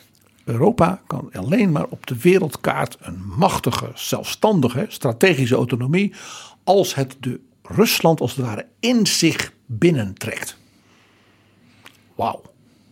Twee weken na 11 september. Schreuder vond dat prachtig. En zei dus ook van we doen niet mee. Niet mee met de inval in Irak. Dat steunen wij niet. En we weten dat president Bush niet voor niks zo'n grote vriend en bewonderaar van Angela Merkel was. En dat was dus daarom. Want toen zij kanselier werd, niet zo heel lang daarna, was, was dat duo uh, Bush-Merkel een heel sterke. En daarin deed zij in feite wat Poetin zei, namelijk die bemiddelende rol in de wereldpolitiek, alleen niet afhankelijk van Rusland. En daarin is zij wat Otto van Bismarck deed, die zichzelf dan ook de eerlijke makelaar noemde, de eerlijke makelaar. Je kon bij hem langskomen en dan ging hij wel verdelen. En dat was in feite wat Merkel natuurlijk deed. PG Olaf Scholz is in eh, Washington geweest en hij gaat nu naar Moskou. Eh, maar de Amerikanen die zullen niet blij geweest zijn met eh, zeg maar de trage reactie van Olaf Scholz. Eigenlijk de, de, de weinig zeggende reactie van Olaf Scholz. Toen Poetin ging morrelen aan de grenzen van Oekraïne. En dat heeft voor de Amerikanen meerdere redenen. Joe Biden werd geciteerd en het werd niet hard ontkend door het Witte Huis. Dat hij na dat gesprek met Scholz had gezegd: Het is een prima vent, Olaf, prima vent. Maar het is geen Angela. Dat heeft hij gezegd. Ja. En Biden, die zag nog iets. Want Biden is ver in de zeventig. Ja? Kwam dus in de politiek en ook in de buitenlandse commissie van de Senaat in de jaren zeventig. Ja, dus in de tijd van Brandt en Schmid. Ja. En die zei, en kijk nou wat er gebeurt. Die Macron, die springt in dat gat dat Merkel achterlaat. En die Macron, die wil natuurlijk zelf. Hij ook, zit ook in de NATO. Prima op zichzelf. Prima vent op zichzelf. Maar hij, Macron wil maar één ding. Die wil de Gaulle worden. Ja, Macron is natuurlijk ook de leider, dat, dat kan iedereen constateren, eh, van het Europa dat toch meer voor zichzelf moet gaan zorgen, ook op Amerikaans verzoek overigens, eh, voor de eigen defensie. Ja, en Macron omhelst dat enthousiast. En Biden zegt, dat snap ik wel. Want als hij als leider van de EU zich gaat bemoeien met dit conflict en bij Poetin op bezoek gaat aan die lange tafel, dan is het dus niet van de NATO. Nee. Dan is het zonder de Britten en ook zonder ons. En dan zijn de Duitsers toch ja, de nummertje twee. Ja. Want bij hun economische kracht natuurlijk, maar ze hebben dus die warme, merkwaardige band met Rusland toch ook. En ja, Macron heeft een vaste frap. Macron heeft een veto in de Veiligheidsraad. Dus hoe meer Macron zich als de Europese figuur, als bemiddelaar voor die arme mensen in Kiev optreedt, hoe meer dat dus als het de oude lijn van de Gaulle is tussen Amerika en Rusland in. Ja, en vandaar dat Macron er eh, op dit moment ook belang bij heeft om nog niet alles te vertellen van wat hij met Poetin heeft besproken. Uh, want zo blijft hij de centrale figuur in uh, eventuele onderhandelingen die er zullen plaatsvinden. In ieder geval in de relatie met Rusland. En Biden zegt ook: ja, die jongen staat voor verkiezingen, daar weet ik alles van. Dat was hoogst opmerkelijk dat dus die opmerkingen van Biden. Daarvan werd gezegd: hé, hey, de, de, president heeft hoge waardering voor alle bondgenoten in Europa. We, we, trekken echt één lijn. En allemaal van dat soort taal. Maar er werd niet gezegd: het is niet waar. Wat, nee. wat deze citaten. Nee, nee. Ze klinken ook, ook heel erg Joe Biden. Ja, ja Biden is in, in zekere zin dus echt een, wel een, een, eerlijke man. Want hij vertelt ook af en toe gewoon wat hij denkt. Ja, dat is natuurlijk voor een politicus uh, natuurlijk levensgevaarlijk. Ja. Dat weet je. Ja, dat is iets wat Macron iets beter misschien onder de knie heeft op het moment. Om dingen, dingen voor zich te houden. En Scholz nog erg moet oefenen. Hè, want in Duitsland zei men ook, uh, hij is ondergedoken. Ja? En toen kwam hij in uh, een Duits journaal. En toen kreeg hij uh, golven van kritiek. Want zeiden, er kwam geen kloppende zin uit zijn mond. Hij stotterde. En mevrouw Baerbock, die doet gewoon waar ze zin in heeft. Ja, ja, er werd zelfs in de commentaar gezegd... is Olaf Scholz zich er wel van bewust dat hij bondskanselier is geworden... en dat hij een rol heeft te spelen? Dat is heel hard. Ja. Overigens, onze vriend Otto Frieke van de Liberalen in Duitsland... die was te gast afgelopen zondag in het programma Buitenhof... waarin hij in welsprekend Nederlands iets over de Duitse positie kon zeggen... En die legde ook de nadruk op de geschiedenis. Meneer Frieken, dezelfde vraag aan u. Moet Duitsland wapens leveren aan Oekraïne? Nee, um, daar zit dan het verschil van onze geschiedenis. Uh, en dat is voor Duitsland een speciaal probleem. We hebben zelfs wetten die zeggen waar kunnen we wapens exporteren. En we zeggen dan nooit in crisisgebieden. Dat staat in ons wetten, maar het is ook een deel uh, van de coalitieovereenkomst in Duitsland. Um, en het tweede is, uh, de reden zit in onze geschiedenis. We hebben alleen maar twee keer het niet gedaan. En dat was dan als het over genocide was in onze geschiedenis Hmm. in de, de laatste jaren. Dat was met de Jeziden en dat was aan de andere kant met Kosovo. Maar de geschiedenis, de Tweede Wereldoorlog en wat daar gebeurd is, dat noopt Duitsland om te zeggen: wij beginnen daar niet aan. Wij zullen geen wapens leveren. Ja, daar zit het, daar zit het oude, nog steeds discussie Ja. van onze geschiedenis. PG, dit was Otto Frieke. S'avonds op de Duitse televisie was Anne Applebaum te gast. En die kennen we ook, die is ook te gast geweest in Betrouwbare Bronnen. En zij hield eigenlijk een keihard verhaal. Uh, dat was een Applebaum op haar meest Anne, zal ik maar zeggen. Zij zei alle begrip. Hè, zij als historica die alles natuurlijk weet van Rusland, van de Oekraïne. Ja, alle begrip. Dat de Duitsers zeggen wij moeten natuurlijk rekening houden met de gevoelens. Hè, wat ik noemde de trauma's. Bij al die lange lopende historische patronen. Rondom als Duitsland zich zou bemoeien in zo'n conflict. Of, uh, maar Applebaum zei dat is helemaal niet aan de. Dat weet toch ook iedereen. Er is geen sprake van Duitse dominantie. Er is sprake van een eensgezinde bondgenootschap, een eensgezind Europa. Ja, en een gevaar van Russische dominantie. En toen, dus ze zei toen van, ja, die historische trauma's, dus ook waar Frieke op wees, daar moet je ook mee oppassen. Want, want we beginnen het een gevoel te krijgen, of eigenlijk het begint een beetje de overtuiging te worden in de meeste andere hoofdsteden, dat dat tevoorschijn wordt gehaald hè, door de Ampelcoalitie van Scholz, als het Duitsland zelf goed uitkomt. Ja, als een smoesje dus eigenlijk. Dat was hard. En Jaap, ik denk dat dat toch de grote eh, verandering ook is in de discussie nu. Want wat we vooral hebben gezien, denk ik, is hele lange, letterlijk even lange politieke, culturele, ja, zelfs filosofische patronen van elkaar begrijpen en wat dan niet. De grote verandering is in feite wat en Appelbaum zei. Namelijk dat Duitsland bij al begrip en historisch besef en wat dan niet, misschien weer realpolitieker wordt. Dus misschien meer Bismarck en Adenauer, bijna. En dat als Duitsland zegt, ja, we zullen toch echt dat samen moeten doen. En dan moeten we als Duitsers ook, ook over die smoes heen stappen. Want alleen dan kan Europa dus echt gezamenlijk met Duitsland als één geheel opereren. Ja, en wij blijven dus kijken eh, de komende weken naar wat doet Poetin, wat gebeurt er rondom en in Oekraïne en vooral ook hoe gaat het verder in Berlijn in die nieuwe Duitse coalitie, die dus, dat blijkt dagdagelijks, niet op één lijn zit. En Jaap, we kunnen denk ik dan niet beter eindigen dan met het slot van die speech van Poetin in Berlijn. Want daarin komen alle dingen die wij nu hebben besproken in twee, drie zinnen nog één keer terug. En dat protocol van de Bondsdag schrijft dan tussen haakjes. Schluss 1547 uur. Anhaltender Beifall. Die Abgeordneten erheben sich. Het woord is aan Wladimir Wladimirovich Putin. Wir sind natürlich am Anfang des Aufbaus der demokratischen Gesellschaft und der Marktwirtschaft. Es gibt auf diesem Wege viele Hürden und Hindernisse, die wir zu überwinden haben. Aber abgesehen von den objektiven Problemen und manchmal aufrichtig, ganz ehrlich gesagt von eigener Ungewandtheit, schlägt unter allem das starke, lebendige Herz Russlands, welches für vollwertige Zusammenarbeit und Partnerschaft geöffnet ist. Ich bedanke mich.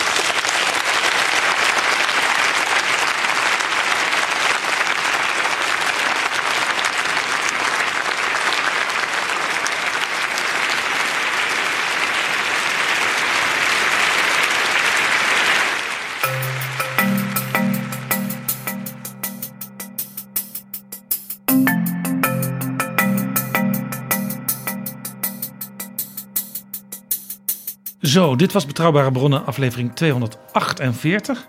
Weer een echt lange aflevering, PG. Uh, we hebben een paar afleveringen geleden gevraagd aan suggesties voor de nieuwe Europese bankbiljetten. Wie moet er daar opkomen? Help Christine Lagarde. En Bart die heeft drie suggesties maar liefst ingesproken.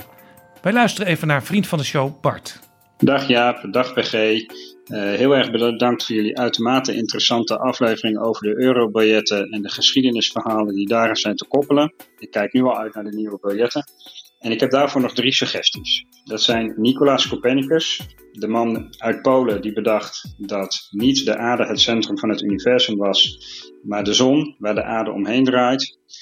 Uh, die voor een paradigma shift in de astronomie zorgde. De tweede is Sir Winston Churchill. Het lijkt mij uitermate ironisch, los van zijn geschiedkundige relevantie, als Britten in Europa, de Europese Unie komen om daar hun boodschappen af te rekenen met een biljet met daarop hun grote held. En de derde, dat is Pierre de Coubertin. Los van alle uh, corruptie en mensenrechten toestanden met de Olympische Spelen, is het toch fantastisch dat er eens in de zoveel tijd een evenement is waarbij alle landen vredelievend uh, competitie bedrijven tegen vastgesteld, vaste, vastgestelde regels. Nou, dit was hem. Hoi. Dankjewel Bart. Ja, Churchill die hangt in onze Haagse studio met één groot gebod. Deserve victory. En Churchill past natuurlijk helemaal in het rijtje bij ons. Denk aan het fascinerende debat in zekere zin tussen Felix Klos en Andrew Roberts over wat vond Churchill nou echt van Europese samenwerking. Pierre de Coubertin, daar kijk je een beetje moeilijk bij, PG. Ja, dat is een Zwitserse edelman die uh, een club heeft opgericht, uh, laat ik zeggen, die zelden heeft gedeugd. Maar Nicolaas Copernicus, daar was je weer, weer heel blij van. Prachtige suggestie. Zo ronduit prachtig. De Poolse astronoom die het wereldbeeld van het Europa van ja, die late middeleeuwen en de renaissance helemaal omturende. Hè, de aarde draait om de zon. We gaan nog enkele afleveringen door met suggesties voor die nieuwe Europese bankbiljetten. Heb jij nou ook een, een onderbouwde, met argumenten onderbouwde suggestie? Laat dat dan weten. Liefst ingesproken via vriendvandeshow.nl slash bb. En dat is ook natuurlijk het adres waar je je kunt melden als werkelijke nieuwe vriend van de show.